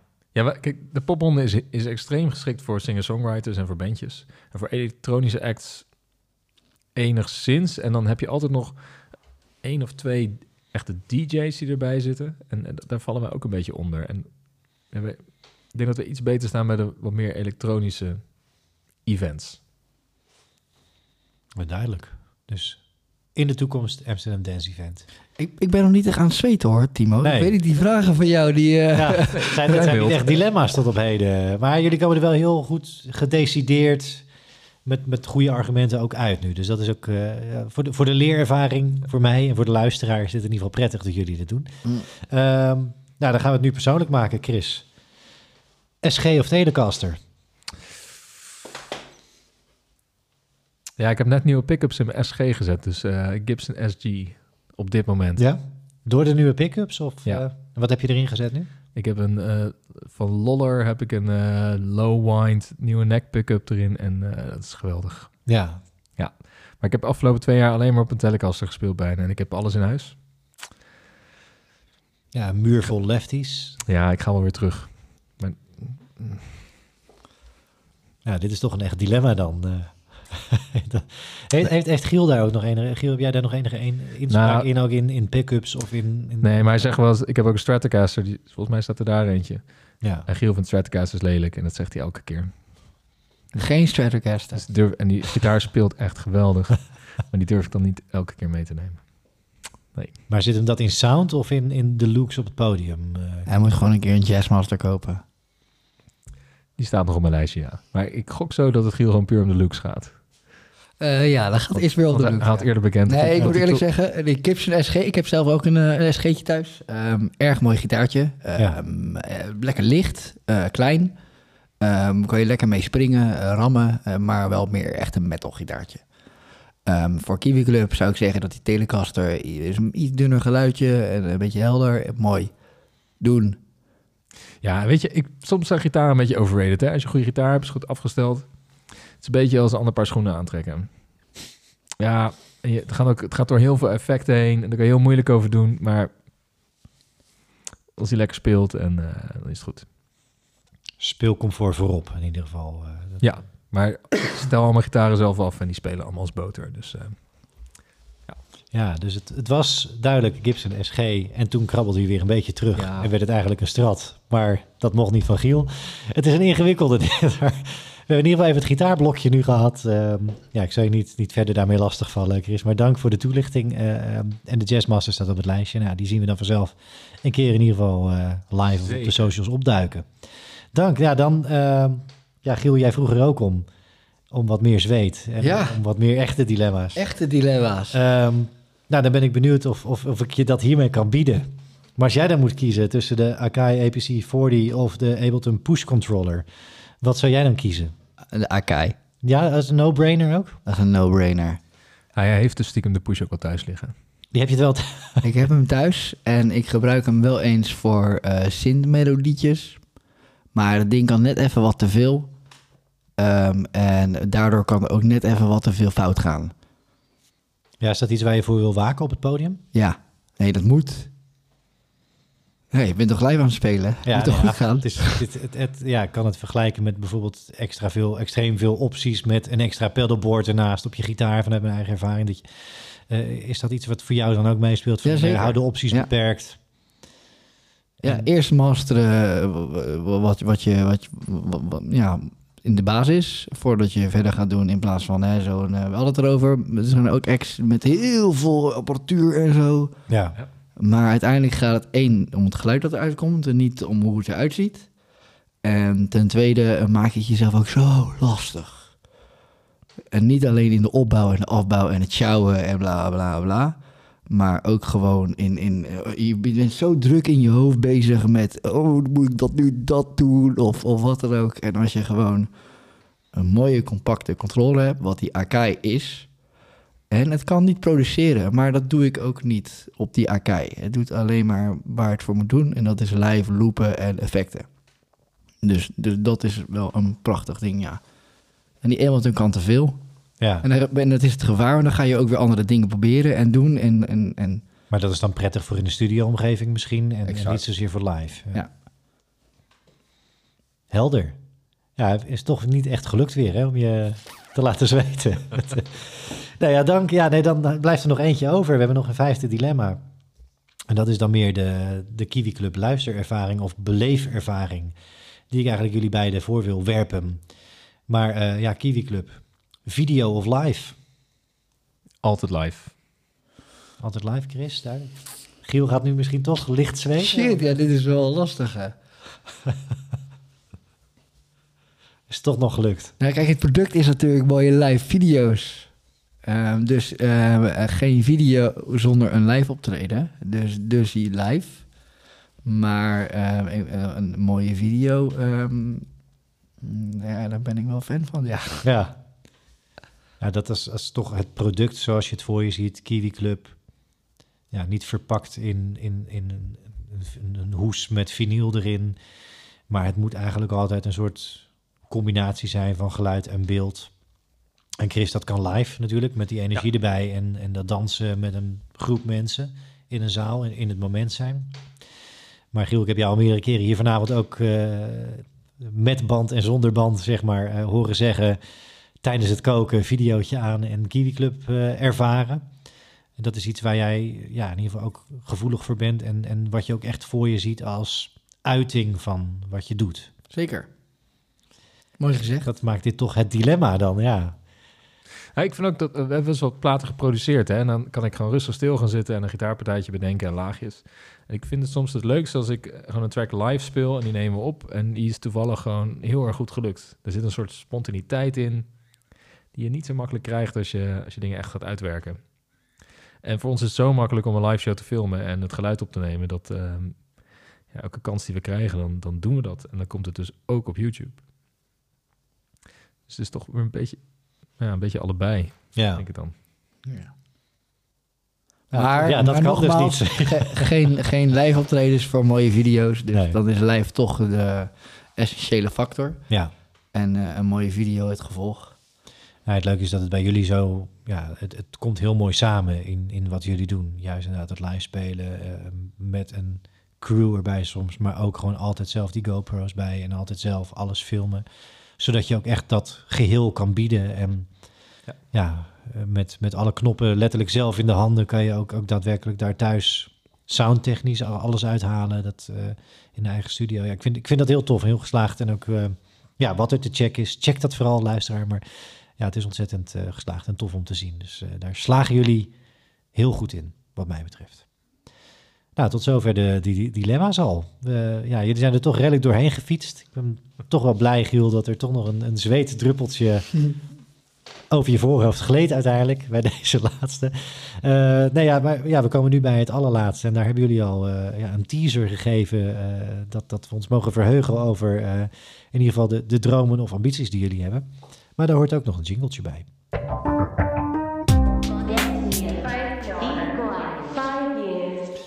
Want ja, de grote vraag is natuurlijk, Kiwi Club, Giel, Chris, waar dromen jullie over? Waar zijn jullie? Waar, waar kunnen we jullie zien over vijf jaar? Ja, Mag, mag ik deze antwoorden? Want het is een beetje een persoonlijke ook stiekem voor mij. Ja, Giel, Ik- pak hem op. Ik, heb- ik heb ooit eh, zes of zeven jaar geleden, heb ik ooit, zat ik in, in, een- in een soort groepje. En toen hadden we het ook over dromen en ambities en wat maakt je blij en bla bla bla bla bla. Hè, je kent het wel. En je bent 22 of 23, je schrijft wat op. Ehm, en toen heb ik ooit gezegd, ik wil ehm hoofdpodia Lowlands. Dat leek voor mij het hoogst haalbare. Vet. En ja, daar zou ik nog steeds heel graag willen spelen over vijf jaar. Maar ik denk dat bijvoorbeeld een hoofdpodia pleinvrees eigenlijk eh, beter is of beter past. Ehm, zodoende, ehm, ja, dat, dat, dat, dat, dat eigenlijk. Is dat dan per u ook gewoon de shift, hè, het verschuiven van genre, waarin je zegt van nou, nu zijn we echt deze wereld binnengegaan en daar horen dus ook andere podia, andere festivals bij, andere dromen daarin misschien ook wel? Ja, een beetje. Chris, hoe is dat voor jou? Je moet het ook realistisch maken. En als jij weet, ja, ik ga, ik, we staan niet op eh Kerstelfest. Nee, Nee, dan had ik andere muziek moeten maken. dat zou wel leuk zijn. ja the- theoretisch zouden we natuurlijk... Zou, zouden wij nog best op Lowlands kunnen staan, omdat je daar een beetje met gitaar, dus ook een beetje Ja, nee, poster op, plus, eh, weet je wel, maar ja. Eh, ja, over vijf jaar. Ja, kijk, we zijn super lekker bezig en eh, spelen een hoop shows. En eh, dat is niet altijd voor alle is muzikanten zo makkelijk, maar wij krijgen ook eh, eigenlijk altijd wel gage. Of, eh, gratis spelen zijn we al een tijdje mee gestopt. Ehm, dus ja, en dan heb je het leven en dan heb je geld voor nodig. En ehm, nou, zouden we natuurlijk super beroemd kunnen worden en dan, weet je wel, maar dat is ook een beetje de loterij winnen. Maar wat nou als wij onze gage wat omhoog zouden kunnen krikken naar bijvoorbeeld 500 à 1000 per show. En dit is heel ambitieus, maar misschien wel haalbaar. En je doet een handvol shows per maand. Dan zou je best weg kunnen komen met ook wel meer part-time werken. Zodat je dus een deel van je leven echt aan muziek kan besteden. En eh, wat wij eigenlijk doen, of ik in tot voor kort en Giel nog steeds, is vier dagen per week werken. Zodat je drie dagen per week muziek kan maken. Misschien kan je die balans nog een beetje verschuiven. En dan zou je een heel leuk leven kunnen hebben. Ehm, en dat zou dan. En of je dan, als je hele grote eh, internationale tours gaat doen, misschien is dat ook weer heel ja, complex met, met soort van een thuisleven combineren. Maar ik denk dat Giel en ik, als wij gewoon steady zouden kunnen spelen. En dat ons inkomen een beetje zou kunnen aanvullen. Dat we wat meer tijd kunnen hebben voor muziek. Dat wij twee hele gelukkige mannen zijn. En dit nog jaren gaan blijven doen. Klinkt goed. hè? Amen. Ja. En hoort daar dan bijvoorbeeld ook bij hè, van het spelen van shows hier in Nederland? We hebben het al even gehad over nou, misschien dan internationaal, in ieder geval een keertje in Argentinië. Ehm, maar hoort daar bijvoorbeeld ook bij, als je zo ook zit op het product YouTube met video, bijvoorbeeld het, het monetizen van wat je op YouTube plaatst, of in ieder geval daar... Nou, je, je, kijk, je krijgt sowieso al eh, vanuit Spotify krijg je eh, enige delen van centen betaald per, per stream. Delen van zenden, ja. Dus dat is, natuurlijk- dat is natuurlijk niet superveel, maar eh dit zijn allerlei eh, andere wegen. Je hebt Buma Stemra, die betaalt je Ja. ook uit per optreden wat je doet. En dan heb je ook nog Sena, die doet dat ook. En, en zo zijn er andere stromen. Ehm, YouTube Monetize is jammer, er komt een reclamefilmpje midden door onze set heen. ja. Ik weet niet of Giel dat kan hebben. Nee, ik zie hem niet. Die heb je dan niet onder controle, dat reclamefilm. Nee, dus Ja. dat wil je, ja, liever niet. Maar ja, dat zijn, er zijn natuurlijk als muzikant zijn allerlei kleine inkomstenstromen. Die, ehm die moet je best een beetje naar graven. En als je net wat groter wordt, dan kan dat samen een klein beetje aantikken, ja. Liever niet YouTube monetizen, denk ik. Nee. Nee. Aan de blik van Giel te zien is dat no-go. Oké, nou nee, we hebben in ieder geval even ook ehm, ja, kunnen verkennen waar jullie, waar jullie naartoe willen. En ehm, ja, dat, dat is jullie, wat mij betreft, allemaal van harte gegund. En ik hoop dat jullie eh, ja, die mooie route die jullie in zijn geslagen ook voort kunnen zetten. En ja, die bevestiging van, Chris, jij zei het al, hè, popronde, dat zijn de 120 meest veelbelovende acts van het moment. Daar Ja. horen jullie bij. En dat die lijn alleen maar op en op en op en opwaarts gaat. Ehm, ja, nogmaals ontzettend veel dank voor de gastvrijheid en voor jullie eh, openheid en verhalen. Ik, eh, ik heb ervan genoten en ja, eh, de luisteraar ongetwijfeld ook. Dat horen we natuurlijk via de socials allemaal heel graag weer terug. Ook tag ons, tag Bandpraat, tag eh, Kiwi Club.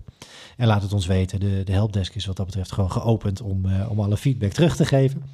Eh, ja, heel veel dank. Heel veel succes ook in de nabije en de wat verdere toekomst. En voor nu is het eh, tijd om hier vanuit Leiden dan maar gewoon doei te zeggen. Dank, doei. Dankjewel, Timo. Dankjewel.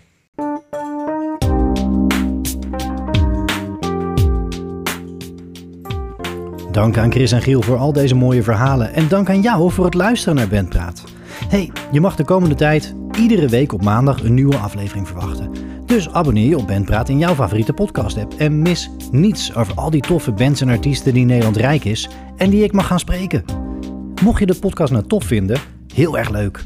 Laat gerust hartjes, likes en reviews achter. Het helpt enorm. Je kan via patreon.com slash bandpraat lid worden van de club. Of steun Bandpraat gewoon door al je vrienden erover te vertellen. En door de podcast eindeloos te delen. Dat zou heel tof zijn. Hey, heel graag tot de volgende Bandpraat.